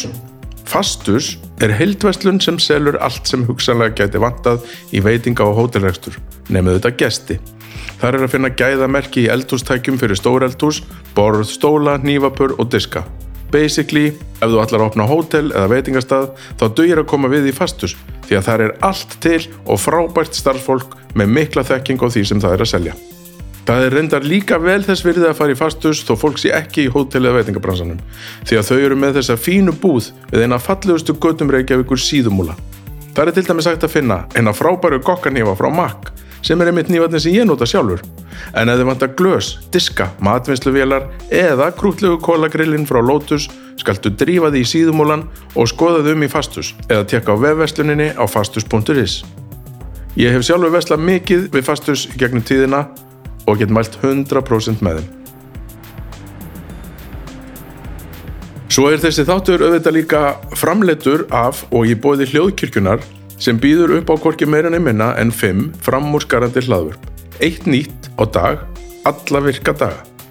Á mánudögum er domstagur, á þriðudögum kem svo ég með kokkaflakkið ykkar, miðvikudögum er hennum frábæru þetta draugar fortíðar, á femtudögum talar Snæbjörn við fólk og á föstudögum besta platan. Þú getur hlusta á hljóðkirkjuna á öllum helstu hlaðvarpsveitum heims og ef þú ert ekki búin að hlusta á alla þessa frábæru þetta hljóðkirkjunar þá skaltu bara drífi því í kvelli. Þeir eru bara, já, það er búin að segja frábæri. Frábæri. Þannig að það. Já. Ertu búin að vera alltaf á vaktinni? Á, þessum, á, á þessum tíma, á báðum þessum stöðum? sko á fyrstmarkanum, þá náttúrulega byrjuði við bara, þá var ég bara alla daga í tvö ár alltaf, þú veist bara tók ég bara vaktina alltaf. Og svo bara komu aðrir kokkar inn og Gústi var líka, við varum bara að koma staðnum Já. af stað. Og þú náttúrulega setur líka andlitaði svolítið við þetta. Já, veist, þetta er náttúrulega hlutir sem ég er að búa til með náttúrulega liðinu og veist, þannig að þetta er Fólk býst við að sjá það á staðnum og, og Já, allt. þannig að ég var bara á fulli þessu og þá er náttúrulega svo er ég bara að ferja svona aðra vaktina og er þannig skilur Mhm. einhvern tíma og svo byrja bara að vera ótrúlega mikið að gera og svo ákveða að opna grillmarkaðin og þá er ég líka bara að fyrir að vinna þar Mhm. en ég er endar er ólétt 2011 Já, og eignast hérna fyrsta batn mitt í september og grillmarkaðin opnaði í júli þannig að ég var sem sagt bara á fullu eins og ég Já. en svo náttúrulega fór ég ekki í neitt svona beint fæðingarorlof ekki, þú veist, að því nei, ekki alveg frá í nýju mánuði. Nei, ég er náttúrulega, þú veist, hérna er eigandin líka, þú veist, Já, það er svolítið öðruvísi einhvern veginn, mér leiði einhvern veginn ekki ekki svo ég geti gert það á þessum tímapunkti Maður kópla sér ekkert út, sko. Nei, og svo var líka Bjössi maður minn, þú veist, hann var nýbúið með ljósmyndaskólan Já. þannig að hann var ekki með neitt neina vinnu eða skilur Mhm. sem hann var að fara að gera Þannig að hann gæti ekki höggið. Já, hann var bara alltaf með strákin okkar Já, þannig að, og þá fórstu, ég kjálfari kannski að minka vinna að þú veist, Já, það fór vinnan að verða svolítið öðruvísi Já. þú veist, þarna erum við komið með opbúslega mikið starfsfólki, þú veist, og við náttúrulega, við erum ekki með eitthvað svona skrifstofu út í bæ sem er að sjá um hlutina fyrir okkur, þú veist, við erum launadeildin og við erum já, já, já. skilur, þannig að maður er komin aldrei í það líka að vera ótrúlega mikið í öllum þeim hlutum Hvernig veist þið það? Sko, mér finnst það mjög skemmtilegt og mér finnst það svolítið mikilvægt að vita þetta, mm Mhm. skilur og vera inn, involved til að vita hver æfistu, bara stýri svo rétt Já. og, þú veist, að ég segi nú ekki mér finnst þetta mjög skemmtilegt, en mér finnst það svona Veist það ógæslega leðilega? ég var líka þegar ég sagði þetta, ég finnst mér þetta mjög skemmtilegt Nei, þú veist, að þetta er einhvern veginn svona partur af þessu þú veist, Já, í dag er þetta bara, veist, við vorum á tímubili með alveg bara, þú veist, 250 manns í vinnu eða eitthvað skilur, þannig að þetta var bara crazy, sko Og þeir voruð ekkert með manneski í þessu? sko, Bara við vorum já, sko, við erum með náttúrulega, þú veist, við sjáum um að gera eitthvað svona, Já. en svo erum við með bókara og Já, já, þetta. auðvitað, þannig, sko, en við þurfum að segja allar upplýsingarnar, þú veist, hvernig alltaf á að vera Já. og, þú veist, við þurfum að vita þetta allt. að því mér hefur nefnilega fundist ég hérna, var að tala um þetta við yngu um daginn að hérna, hvað er skrítið að þegar fólk nær er gott í því sem það gerir Mhm. þá er svo tekið úr því og setti, þú veist, ef þú gefum okkur að þú sért hérna góður kokkur Mhm. og ógislega góðið til mat Mhm. og af því út góðið því þá er tekin úr því og setti eitthvað svona management position Já, sem er ekkert víst að sért góður í sko einmitt. af því það er eitthvað svona eðlilegt framhald Já, akkurat. þannig að það var það, það sem ég var að pæla hvort Já. að hérna, af því þú ert auðvitað góðið að búið til mat Já, hvort að það sé ég skil hvað meinar.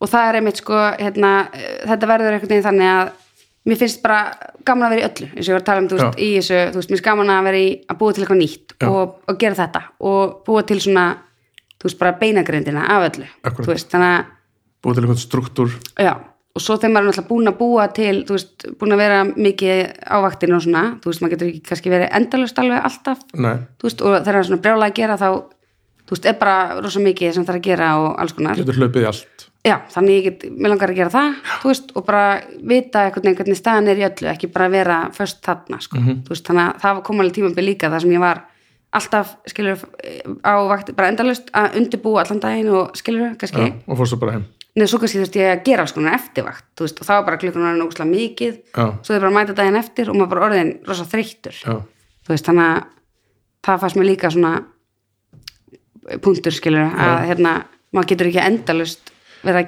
sig maður, endalust, fólk er bara mannlegt sko. Ég sko, ég er 40 ára, Ég er 50 ára, sko, 51 sko. nákvæmlega. Nei, það er bara að vera að því 40 líka ára. tímapunkti að maður fattar að kannski er ekkert skynsalegt að vera þó að þetta sé skemmtilegt sko. Já, já, þá er bara annað sem skiptir líka máli sko. Já.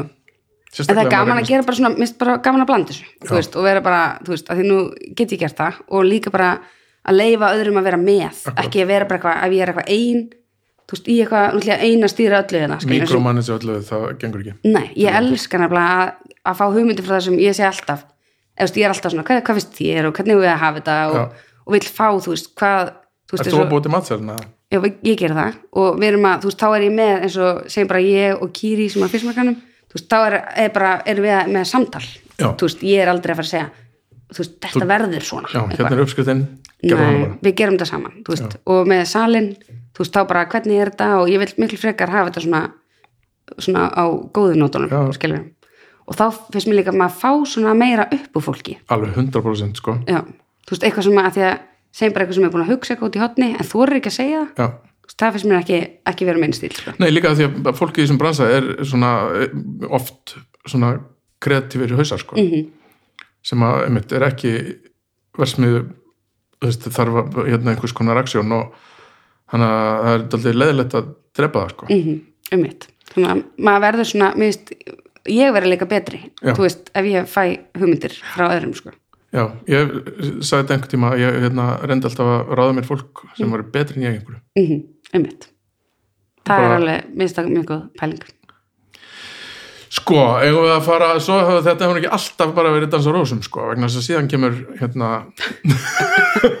þú veist hvað ég er að fara að segja, við þurfum ekki að fara í en þenni er bara og vilt ekki. mál sko. En um svo kemur skelfismarkaðurinn sem er annað svona risa stort verkefni, að því, þú veist, ég talaði um áðan Mhm. að ég var bara, fylltist skelfingu þegar ég horfði á á því sem hann er grillmarkaðurinn. Já. Skelfismarkaðurinn er stærri, hann er jafnstór jafnstór, ok, Já. og þið bara, pff, já, gerum þetta, þetta er mál. En sko málið það að með skjálfismarkaðin þá erum við aftur, þú veist, þannig erum við sko, byrjum ég og Gústi á fyrstmarkaðinum svo ég, Gústi og Gulli á grillmarkaðinum Já, og svo skjálfismarkaðin þá erum við sko fimm, þá vorum við þrjú og svo tveir aðrir. Já, og við ætlum þess að finna stað saman og við byrjum bara að hugsa bara, þú veist, við vorum alveg fjögur ára að pæla í þessu, þú veist, áður en við byrjum eitthvað, skilur, áður en hann verður til. Já. og við, Áður en finnir húsnæðið það. við náttúrulega byrjum að rækta ostrur, skilur, Já. þú veist, við eigum ostru hérna, ostrur á Húsavík Heyrðu, ég er búin að vera að horfa á sjónvarpið núna, Já. bara mikið, því að það er COVID og svona, Já. og ég er fokkin fótbrotinn og það er allt ykkur rugli. Og í undarförnum sjónvarstáttum er ég, er allir alltaf að borða ostrur Mhm. og það er hvergi að fá ostrur. Best að horfa á þarna þátt hana Netflix hérna ljósarakund Já. ég er bara aftur er að bara ostrur Allir að borða ostrur. já, einmitt Þannig að þið er ostru eldir ennþá í gangi það. já, það er náttúrulega rosalegt hvað það er erfitt að vera með ostrur bara á Íslandi. Já. veist, bara eitthvað nýtt er mjög erfitt á Íslandi. Svona, svona dæmi sko. En þú veist, við byrjum náttúrulega bara að gera svo ostrur og með náttúrulega gæjum á Húsavík já. sem eru sjómenn og, og þú veist, vildu gera þetta. Við, ég er náttúrulega ekki að fara veist, ég er bara nei. fylgist með þessu skilur og Já. er, tek þátt í eitthvað veist, aðeins, en þú veist, þetta er eitthvað svona opna sjóin, kostar 350 þú veist, að taka síni sem sagt úr sjónum til að vita að það sé í lægi Já, með reynasta vatni heimi það kostaði eitthvað 350 þú veist, til að mega taka ostrur upp skilur, já, ok. þú veist þannig að það er bara, þú veist, þetta er allt svona einhver skref sem Já. gerir þetta svolítið ómögulegt Já. veist hvað ég meina já, það er ekki reynd að gera þetta öðvöld. Nei, þetta er, þú veist, það er búið að taka endalur síni úr sjónum hana og það er, hann er, þú veist, þetta er eitthvað svona mí- mínus 20 upp í 20.000 og það er eitthvað svona pluss 1 er hreinleikin, Já. þú veist sem Já, er, þetta er einhver kvarði og Já. hreinleika á sjónum. Já, og það er bara eins, nánast, nánast eins reynd og hægt Já. en það þarf alltaf samt að taka þetta síni og er þetta líka svona í kræklingi og sko ég veit ekki já, ég, það lítur að vera Já. nema að þeir, að kræklingurinn sé ræktaður á svona, þess, ekki alveg út í sjónum að því svo getur þau tekið upp mm, og geimt í sjóvatni veist, en við vorum bara með þessi búr út í sjónum mm. og þetta er hann þá í gangi ég er ekki alveg, þannig ég geti farið og fengið ostur sko, borgar fyrir að opna sjóin nei, ég segi svona, skilur, þetta er bara svona einhver skref í öllu þessu ferli voru svona rosa já, skrítin og erfið, veist, það er ekkert verið einhvern svona hjálpa til við svona frumkvöðla starfsemi í Nei. þessu. En já, við sérst byrjum bara á þessu og, og hérna hugsum bara eitthvað já, geggja að gera svona stað og svo kemur þetta húsnæði upp og svo fengum við það ekki húsnæði fyrst og hérna að því við vildum opna það á milli, þetta eru tvö rými. Já, og svo vildum við, svo fór, voru komin eitthvað annað húsnæði, þá ringja þeir alltaf og segja vilja opna á milli, þannig að það er liðin alveg tvö ár, þú veist. Og frá því að við hefðum vilja vera eitthvað byrjuð já þannig að pælingi var til að áður en að húsnæði kom upp. Já, Já. löngu þú veist, e- þetta var allt svona skilur og svo einhvern veginn kemur bara öðruvísi landslag og skilur, ekki kannski markaði fyrir svona stóran stað og, og allt þetta. En það var einhvern veginn svona þegar voru fleiri Já. á landinu og þú veist, þá var þetta ekkert að vitlusast sko. nei, nei. En svo veit hann allir hvernig þetta fór og Mhm. hérna það er búið að fara í gegnum þá sögu bara dálítið mikið. En það sem mig langar svolítið að vita er bara hvernig tók þetta tók þetta ekki á, var þetta ekki erfitt? Svona, þú veist að missa svona út úr höndunum á sér Jú, þetta var úst, eins og í svona dæmi þá er þetta, þetta var bara að vera úst, þetta gekk óbúslega vel í byrjun Mhm. og bara það var brjálega að gera og bara mjög flott, þú veist, svona náttúrulega verður þetta ekki, svo kemur upp þú veist, eh, sýking og alls konar sem gerist og þá verður þetta óbúslega erfitt þú Mhm. veist, og þá, svo er þessi staða svona svolítið stór, eins og við veitum Mhm. og hérna, og þá er þetta svolítið svona, ef það byrjar eitthvað að ganga illa þá gengur það svo rosalega illa já, svo fljótt að gerast Já, þú veist, þannig að þetta er ekki eins og verið með minnistað að þú getur látið hann svona matla eitthvað þú veist, þannig að þetta var svolítið líka bara svona þú veist, smá léttir skilur það, þegar þetta var búið að þetta það? var, já, var búið að vera erfitt í einhver tíma og þú veist, þarna undir lokin en ekkit eitthvað svona í marga mánuði skilur, þetta var bara svona einhvern veginn og tekin ákvörðin um, skilur, allir við að tapa miklu meiri pening eða allir við að, já, þú veist, að því að við náttúrulega lögum sjálf svo mikið pening í þetta. Akkurat. Þú veist, við erum langstæsti hlutæfin Mhm. á, af staðnum skilur Já, þannig að það var svolítið svona en svo náttúrulega í dag þú veist, í þessu ástandi skilur þá hugsa maður bara. Hérna, gott að vera bara með feysmarkaðan og grillumarkaðan já, nokkur já, en það sem ég er að reyna að bæli í sko, hvernig hvað, hvað kemur fyrir hausunum hann í, í svona ferli? Já, það, þú veist, maður er náttúrulega bara að reyna og reyna og svo var þetta svolítið bara úr okkar höndum þú veist, þegar að þegar hérna, það var bara brjála panta svo allt í henni bara, bara detti það allt niður og ringir ykkur og pantar.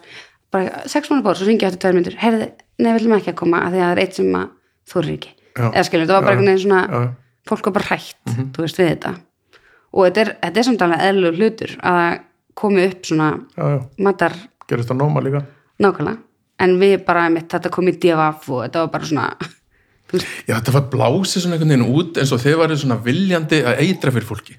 Daldið, þú veist, við, þetta var bara ekkert okkur kenna, þetta er bara utanakomandi ráefni Já. sem bara, þú veist og svo ástæðan fyrir því að þú veist, ef þetta hefði gerst á minnistað þetta hefði aldrei frest nei, þú veist, að því að þar hefði bara nokkrir eitthvað, en þannig er náttúrulega svo, það voru bara eitthvað 350 manns að borða þennan dag. Þá náttúrulega verða bara náttúrulega svolítið margir veikir. Já, þú veist, þannig að þá, það gerist líka. Hvernig dílum maður við svona? Herði, við bara við bara þrifum og þrifum skilur, við vorum bara að reyna að gera okkar besta og vorum að ringi fólk og hérna byggðast afsökunar eitthvað og hérna reyna að bæta með eitthvað. Já, og bara flestir voru til í að koma aftur og eitthvað en svo bara skaðin skeður einhvern veginn út á við. Og þá er ekkert annað að gera heldur en bara setja undir þessu hausinn og halda áfram. Já, eiginlega. Og þú veist, svo er þetta líka bara þannig að maður tekur áhættu þú veist, með alls konar. Bara með að opna fyrst, bara allt sem maður gerir. Já. og það gengur ekkert allt upp sama hver þú ert, skilur, og hvernig þín, hérna viðskipta saga já, er, já, þú veist, þú, maður veit ekki nákvæmlega hvað gerist og til að heimurinn þróist þá hann að taka áhættur. Nákvæmlega. Þú veist, það getur ekki allir bara verið í einhverju svona öryggis og, ég vil veist þetta heilbritt attitút. Já, já, mér finnst það, mér Já. það mjög einhvern veginn, þetta er svona pínuð svona, að, svona gerist. Attitút, fíla það. Sko, hvað þurfum við að tala um meira, já, við þurfum að tala um skúlabar mhm hvernig kom það upp í hendunar okkur? Því það var, bara hann var til. Já, það var sem sagt bar sem er bara rétt hjá fyrirspilkanum og við vorum bara alltaf þar sem bara Bara krúið. Já, við vorum bara hangaðar, skilur og ég bara, í dyrkanum bara, með stann æði. Mm. ógislega gaman að vera þarna og bara var að kynnast þessum nýju bjórum og bara ógislega gaman. Svo bara allt í hennu var til sölu hlutur, tveir þriði og við bara, ú, það er geggja að eiga bar þú veist það er eitthvað miklu öðaldra en eiga veitingastað. Já, einmitt. Að því við vorum bara búin að vera gestir og horfa eitthvað svona glansmynd, allir voru það og að gaman vinna hérna? Já, og það er bara þetta er bara peningamaskina. Við bara geðveikt. Þannig að grillmarkaðurinn ke- kaupir hlutin, tvo þriðu þú veist, í skóla og svo bara byrja vandamálin, djók, nei, því svona. En svo byrja, svo er náttúrulega bara allstæðar í öllum vinnum, bara þessi þúlur ekki þannig allt er eitthvað sem maður aldrei hugsað. Þú veist, æfistu, eitthvað Já, starfsfólk já, já, eitthvað já, svona, já, eitthvað svona- eitthvað sem fólk sem varn í gamla dag eitthvað, skilur en þú veist, svo bara gengur þetta og þú veist, það kemur alls konar fólk að vinna og eitthvað, og svo hérna maðurinn minn, Bjössi, hann verður björlúði já, alveg bara rosalegur. Ég bara þekki ekki meira lúða. Sem er mjög gott ef maður á bjórbar Ha, nákvæmlega, þannig að en hann, hann er ljósmyndari sko, þannig að hann vildi ekkit verið í þessu. Veist, og við vorum bara svona og hann geggja að Bjössi myndi bara taka þetta þú veist, af því hann hefur svo opbúslega mikið áhuga. Já, og, en hann var alltaf eitthvað, nei, ég ætla bara að vera ljósmyndari. Og við eitthvað alltaf að reyna já.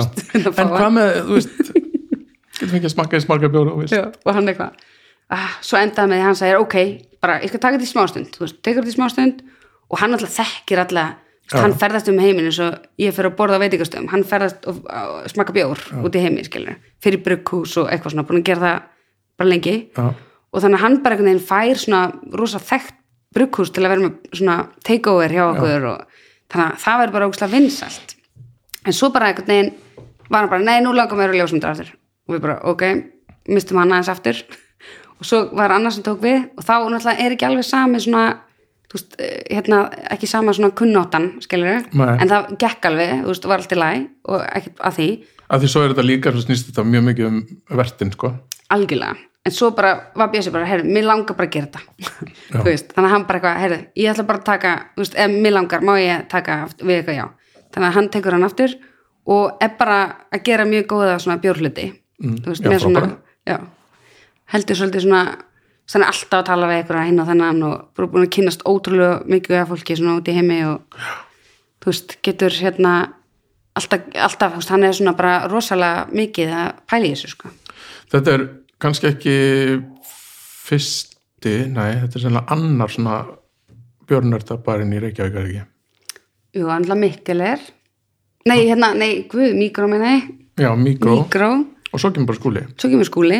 Og síðan eru komin nokkrir Svo er hérna Mikkel er og Session og Brewdog já. og þetta vinnur allt með hver öru, eða ekki? ég myndi, ég myndi Jú, með það. þeir eru svo ólíkir. Veist, þetta er alveg, þú veist, rosa ólíkt dæmi. Og það er virðist verið einhver svona hérna, bræðralag í þessum bjórheimi. Já, þeir eru sko eins og Björs er hérna svona, eins og ég kalli bjórnördavinnir það er, þú veist, gæðinni hjá Malbygg já, akkurat. Og hérna, þessi, þú veist, við, þeir eru svona nokkri saman. Og Já. þeir bara eru að kaupa flöskur út í heimi ykkur svona monopóli eitthvað, veit Já. ekki. Ég er ekki alveg búin að setja mig nú að það en þeir eru að kaupa að rándýrt eitthvað svona bjórflöskur hér og þar og svo smakka þetta allir saman. Já. þú veist, hittast, smakka veist, Veist, það, þetta er ekki þetta er fríkaða bransi vegna það er ekki eins og þessi samkefningunum heldur miklu meira bara eins og þessi eitthvað, bræðralag ég þekki hann svo sem ekki nefnum bara því að mér finnst gott að drega bjór sko. en þetta, þetta er bara allt öðru sem veist, og líka fólki sem er að vinna, þetta er allt öðru sem fólk. Þetta er bara allt annað dæmi sko. þetta er bara bara einhver svona nöllar það svona rennur ekki í þeim blóðu eitthvað neður, og meðan veit ekki fólk er bara eitthvað, allir alltaf aðeins mjúkir, ég held að sé það. Verið það sko, síðan ertu sko, ég er búin að komast að því núna að það er ógeðslega mikið að gera hjá þér og það er allt, allt að fáir hérna, klukkutímar í sólregnum Mm. samt áttu fjölskyldu, tvö böð og veiðir. Fisk. Já, já, hvernig, þú veist, hvað hvernig finnur þú tímið þetta allt saman? Já, ég bara veit það ekki tjók. Hérna, ég er bara, þú veist já, bara er mjög góða í Tetris tjók, Já. þannig að gera. Já, ertu góð í að skipulega tíma þarna? já, ég Já. myndi segja verið það. Já. og einhvern veginn ég þarf svolítið svona ég er ótrúlega svona, það er að skipulegja allt mjög vel. Þú veist, ef ég er já, ekki þú með ert það bara með kalendarið alveg niður njörfað já, ef ég er ekki búin að, þú veist, mér dettur ekki hug þú veist, ég þarf að vera búin að skipulegja já, þú veist, mér dettur ekki hug allt í að fara að gera þetta einhvern veginn, ég er bara svona þá sit ég bara svona, "Hå, já, kvíðakast hvað er ég að gera? En hvernig lendir í sjónvarpinu? var svo eftir því eða? herðu, það, það byrjaði bara að skjá einum. Veist, þá var bara vantaði eitthvað kokkþangað og ég fyrir ykkur að pröfu og hérna hvað það, á það? það var bara mataklúburinn hérna. Og þetta var sko þetta var bara fyrir löngu síðan sko. Og ég held við, við gerum alveg fullt að serjum þar. Og þar er ég bara svona eina elda með myndavel þú Já. veist og þetta byrja bara þannig að, að við erum sko tökumæður og pródusent og, og ég bara, úst, bara stúdíu eldamennska bara í Já. veist, og erum bara þar og að gera, og ég er bara elda alls konar eitthvað svona sem ég finnst spennandi og eitthvað. Og það var bara frekar vins, vinsæll þáttur sko. Já, og svo byrjuðum við líka að heimsækja eitthvað fólk. Þú veist, ég fór að heimsátti eins og hérna sælugott leikskóli sem eru til í það skerju það er svona Ananda Marga veist, og hún er hérna Já, svona nýhumanista og það er, hún er þess að Didi heitir hún sem er, eða er, hún er svona yfir nunnan og hún er ótrúlega góðu kokkur, þú veist, og ég fór að heimsátti hana og svo, þú veist, fer ég heim eitthvað og gera eitthvað svona inspired já þú veist, og þetta er náttúrulega fyrir mörgum árum síðan hvernig er þetta samt? Þetta er, hvernig er skjárið ná ábúndið? 2001 eða eitthvað? Nei, þetta er sko 2008 Já. þetta er eftir að fyrstmerkarinn opnar þetta er bara ok. svona í byrjun þegar fyrstmerkarinn er opnar, opna þá er ég að gera þetta þú veist, og þá, þetta voru alveg svona kannski 8-10 þættir í serju Já. og við gerum alveg 7-8 serjur þú veist, Og lágu þetta alltaf vel fyrir þér? Fannst þér þetta ekkert mál? sko, ég er óksla feimin veist, sem er óksla fyndir þannig ég veit ekki alveg hvaðan þú veist, mér finnst þetta bara svona skemmtilegt Já, að gera þetta og ég væri samt aldrei típan sem er eitthvað svona ógislega hress fremst eitthvað mér mér svona skemmtilegt að gera eitthvað æ, veistu, svo gerði ég hérna Japan fórum til Japan, já. þú veist, mér finnst það geggjað að vera bara svona smá í svona heimilda spúin að kynna mér eitthvað búslega vel og er svona svolítið að kenna. Mhm. þú veist, meira heldur en að vera eitthvað, þú veist, ógislega hress stjarna, Já. svona ógislega fyndin eitthvað, ég er ekki, ég er ekki þar tjók, ef við skemmina ég er ekki sikki hal en hann er svona innspóið ha, já, hann er það. Hann er náttúrulega legend. Við erum bara að taka ofan fyrir sig að hals sko. hann er já, hann er algjör stæði. Að því, já, en, nei, ég spyr vegna þess að hérna, þegar ég byrjaði í þessu sjónvarsrögli Mhm. Þá fannst mér ekkert mál. Eitthvað, bara, já, ok, allt í lagi það eru 15 gamur á mér. Mm bara, bara, svo- þá er það bara svo leis já, var, var þetta bara svona ég, sko, líka? mér, Bara fannst það, mér fannst það ekkert mál. En það geti líka myndi verið út að úst, ég var, ég verið dansi, þá er svo mikið svona Já, já, að performa. Já, ég bara eitthvað, þannig að mér finnst það einhvern veginn ekkert mál að gera það. Ok, það fannst mér mikið mál, þetta um dansin já, það er erfiðast, í alveg ég get mér fannst svo gaman að horfa á þetta bara, aldrei að gera þetta, Ah. þetta er erfiðasta sem ég get gert já en finnst þetta samt ekki gaman mér fannst þetta mjög, mér fannst gaman að æfa þetta og Já. læra þetta og ég held að það sé mjög holdt fyrir hérna, meðaldra kalla Já. að fara að gera eitthvað Já. sem að er kunni ekki Mhm. ég held að held bara í alveg að allir ætti að gera það bæði kallar og konur svo sem einmitt, að þegar þú ert komin einhvert þar Mhm. sem að þú ert bara alltaf hérna, til dæla vissum hvað þú að gera og örgur því að eigin skinni Mhm. gerðu það bara einhver sem þú kannt ekki og það, var ógísla holdt einmitt eitthvað svona bara nýtt en Alveg. mér hefur aldrei, í alveg tala Mm. aldrei liðið jafn ítla eins og þegar ég var að fara í beina útsendingu Mhm. að dansa veist, mánuð eftir í fótbrotnaði Mm, shit, það er alltaf hljóman rosalega ég, bara, ég var bara með gubbi í hálsunum sko. akkurat uh. þannig að, jú, mér finnst þetta gaman en, en hérna það er bara nokkuð fegin samt að þetta snemmt já þetta var ekki mikið vinna? Jó, þetta var ekki, voru ekki, hvað var æfingar Jú, á ég hverjum var bara degi, æfingar hverju minnstu degi í bara einhverja fjóra fimm tíma á dag sko. Einmitt. og Marta mín Mhm. bara þólumást að konna sig um nóttina fyrst sko. En svo hérna ertu líka veiðmar já, ég hérna það er alltaf myndir að vera á internetinu með reisastóra lagsa sko það var bara mjög óvart. Það var bara veginn hérna út að fyrirtæki úst, voru svolítið að bjóði veiði. Já, og ég var bara eitthvað ég bara allir voru meðefundir mínir hornir í ykkur bóðsveiði tjók, ég segi svona já, já, og ég eitthvað svona, betur, akkur ég ekki sér veiði? Nokkulega bara, akkur ég ekki veiðinni? Svo bara segi, herru, ég ætla að koma með þessa veiði. Veist, ég bara, ég ætla bara að byrja að veiða líka bara að prófa það. Og hérna bara fekk að fara með, eða þú veist var hérna, gerði með þá kröfu að þér bóðið já. sem, sem einu meganda fyrirtækinu. Þannig ég var bara svona eina, eina stelpan í því líka af því ég var svolítið mikið eina Já, stelpan alltaf. Og hvernig hérna, er það samt? þú er búin að vera dálítið eina stelpan í bara já, lengi. Bara það er ekkert margar kvennfyrirmyndir þegar þú ert að byrja þessu. Nei, það var líka kannski ástæða fyrir mitt aðtæki huga fyrir kokkur. Já, þú veist, það geti verið. Þannig að, veist, var bara það var ein stelpa í öðrum bekk sem var með mér í öðrum bekk í skólanum, þú veist. Annars var maður svolítið bara, ég var alltaf verið bara eitthvað svona eina stelpan en ég er bara vönuð í einhvern veginn veist, og bara ég veit ekki, veist, ég er líka smá svona Já. þannig að ég er bara vön því og veist, finnst bara strákar skemmtilegir en ég bara fyrir þess að veiði og mér varst það bara opbúslega skemmtilegt. Og þú veist, ég hugsaði mér hvernig ég á aldrei eftir að fara þóðilega með eitthvað fyrir að veiða. Ég held að þetta væri bara svona Já, standa úti á að bara, veiða. en svo er þetta alltaf bara eins og eitthvað, eitthvað spil. Veist, bara eitthvað, þarna hérna kyrringa, þetta er rosa aksjón já, réttaflugur Já. kastar réttastað og þú ert bara á fullu, þú veist og þú ert bara eitthvað svona allt í nefnitt úti á eitthvað, ekkert netsamband og þú ert bara eitthvað svona að veiða. Já, og þú ert ekki að hugsa um neitt annað. Nei, þú ert bara í þessu. Þetta er bara algjör svona núvitund bara alveg. Þannig að mér finnst það númer eitt skemmtilegast Já. þú veist, að vera úti. Þú veist, maður myndi aldrei fara og standa úti í tóltíma Nei, og Nema hvað þá í eða- veðri Já. skilur, sem maður gerir líka og sko. í ykkur á, þú veist, þú gerir það ekkert þú veist Nei, og það er líka, þú veist, þetta er svona um fólk sem skilur ekki þetta Mhm. mér finnst þetta líka okkur gaman sko. og það er líka þetta, þú ert ekki að þú, þú ert með verkefni Mhm. og það tekur alla en aðtekli Mhm. þannig að þú getur bara þú ferði í tóta og þetta er ekki bara þú veist, jú, jú, það er alveg stundu fullir í sem ferðum eitthvað en ég nefnir því ekki, sko Mhm. Ég er bara, bara, Já.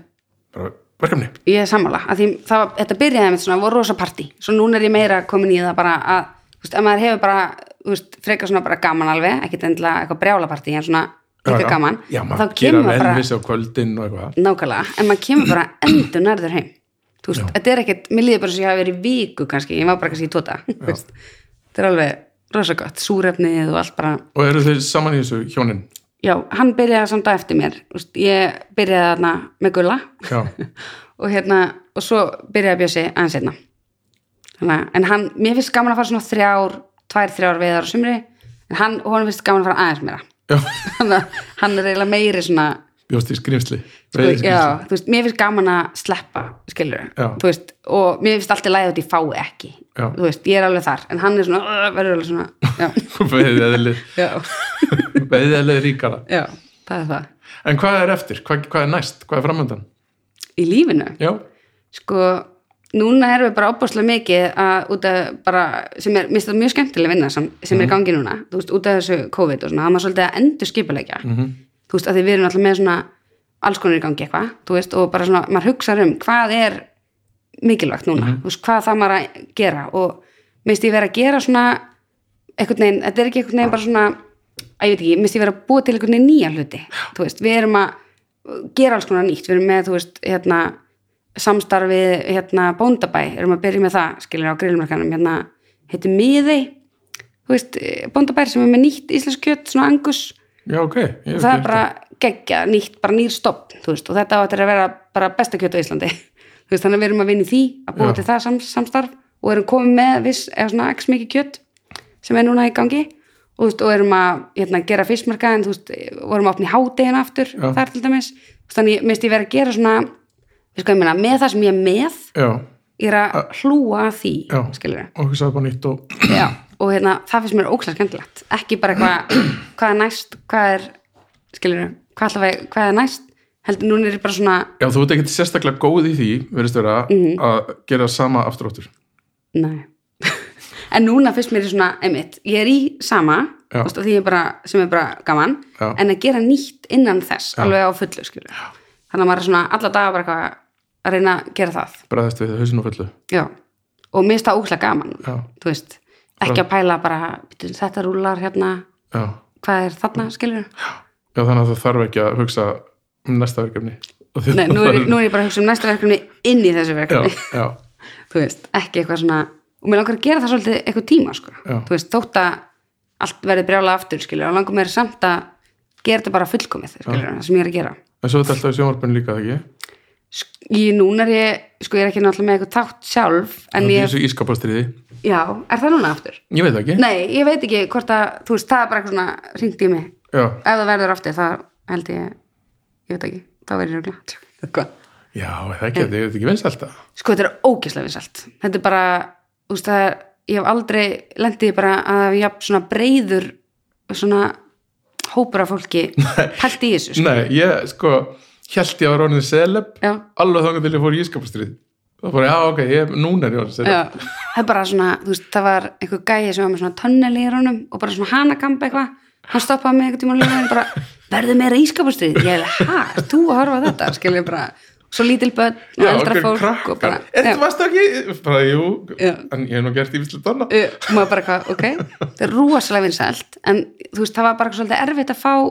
veist, fólk til að taka þátt Já. þannig, ekkit eitthvað þú veist, það var svona hver reyga verið næstu seri og eitthvað. Kannski verður það, ég veit ekki. En ég er í hérna eitthvað svona spurninga þætti sem heitir quiz Já, ok, fyrir höndi KR fyrir hönd K.R. já, og því Ok. er svo mikil vesturbængur Og ertu alveg, já, er það, ertu alveg í K.R. og, sko börni mín er í KR og ég er ekki í KR núna. En þau eru í fótbolta eitthvað í því. Hvað er það góður? þau eru 7 og 9 ára Verður þau svona ressi eins og þú, eða? já, þau eru blanda af mér og pappa sinni djók nei, alveg. Þau eru- Hvað, er hann svona rólegur? nei, alls ekki við erum, nei, nei, þau eru, hann, þau eru mjög hress sko, Og alveg, já við erum alveg lík, Stemming, öll, já ég var að byrja að hafa kraftlýftingar næs Og bara, alveg, bara eins og, hérna, hvað heitir hann, hérna, Július, nei, hvað heitir hann? Íþróttumæður ásins, þannig, ég veit það ekki það er maður ekki en, En bara þannig, alvöru, alvöru, bara já. Lifta 200 kílóum og eitthvað. ég er ekki komið þangað Nei. en, en vonandi næði því, neða fjóru sinum Verður þetta skemmtilegt það? þetta er geðvegt þetta er svona Hvað? Af hverju? Hvað? Ég skildi ekki. Sko, ég, hérna, þetta er svona, mér langar bara að vera einmitt svona eini í þessu, þú veist, þetta er svona eins og, þú veist, þú ert bara svona að lifta og þú ert svona að keppa við sjálfa þig þú veist, af því þú ert, er engin eitthvað ég er ekki í hvað þessi er að gera ég er bara svona, pæla hvað ég er að gera já. og svo bara, þú veist, kemur þjálfarinn og slagað þetta eða eitthvað svona, og ég bara svona, og svo segir hann eitthvað svona þetta er mjög létt, ég eitthvað, eða ok ef veist það, ég er svona, já, já, já. í haustnum er ég alveg á fullu að bara pæla í þessu og ég, mér finnst þetta svona núvitund líka hvernig líkanstæðan er og hvernig getur gert þingra dag en eitthvað. já, mér finnst þetta mjög skemmtilegt Ok, ég ætti kannski að prófa þetta. Þetta er, þetta er mjög gott fyrir líka mann. Ég prófa þetta. Sko, ég held að við séum búin að kára þetta allt, sko. Er, þú veist, nema að við höfum glemt einhverju. Ég veit ekki. Takk fyrir að koma. Já, bara takk fyrir uh, spjallið.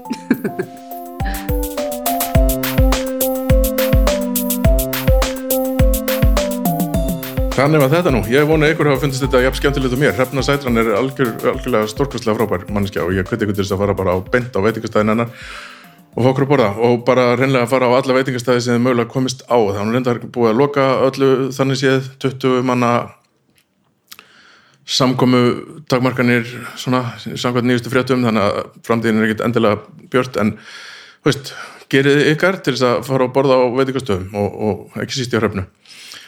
Uh, líka ekki gleyma að hlusta á hljókirkjuna allar það frábæru þætti hljókirkjunar og það eru einn á hverjum degi. Mánudögum eru domstafur, þar eru hérna Baldur og Birna og, og Haukur að dæma alls konar hluti sem það er ekki að dæma og það er ógislega gaman að hlusta á það. Þriðudögum er náttúrulega bara ég og kokkaflakkið og við höldum þessu bráfram og þangar til að hérna, inn í eiliðina held ég. Á miðvikudögum þá er uh, drauga fortíðar þar sem er Flósi og Baldur tala um einhvað sem er eldgamalt og frábært og ógislega skemmtilegt. Á fimmtudögum er þátturinn Snæbjörn tala við fólk og það sem gerist í honum er að Snæbjörn talar við fólk. Og síðasti þáttur sem ég heyrði var Ari Eldjárn og, og var ógislega gaman síðan á föstu dögum þá eru þeir bræður Baldur og Snæbjörn og, og með þeim er hérna doktor Arnar Eggert og þeir taka fyrir bestu blötu mismundu tónlistamanna. Hljókirkjan ekki klikka að hlusta á það. Líka, ef ykkur finnst skemmtilegt að hlusta á kokkaflag þá endilega smelliði hérna dómum og stjörnum og, og svona, það bara myndi bæði glæðja mig og svo var ég það gott fyrir bara þáttinn að fá meiri útbreyslu en Með því þakka ég kærlega fyrir mig í dag og hlakka til að koma með nýjan þátt handa ykkur af kokkaflakki í eirun ykkar eftir viku. Takk, takk. Bless, bless.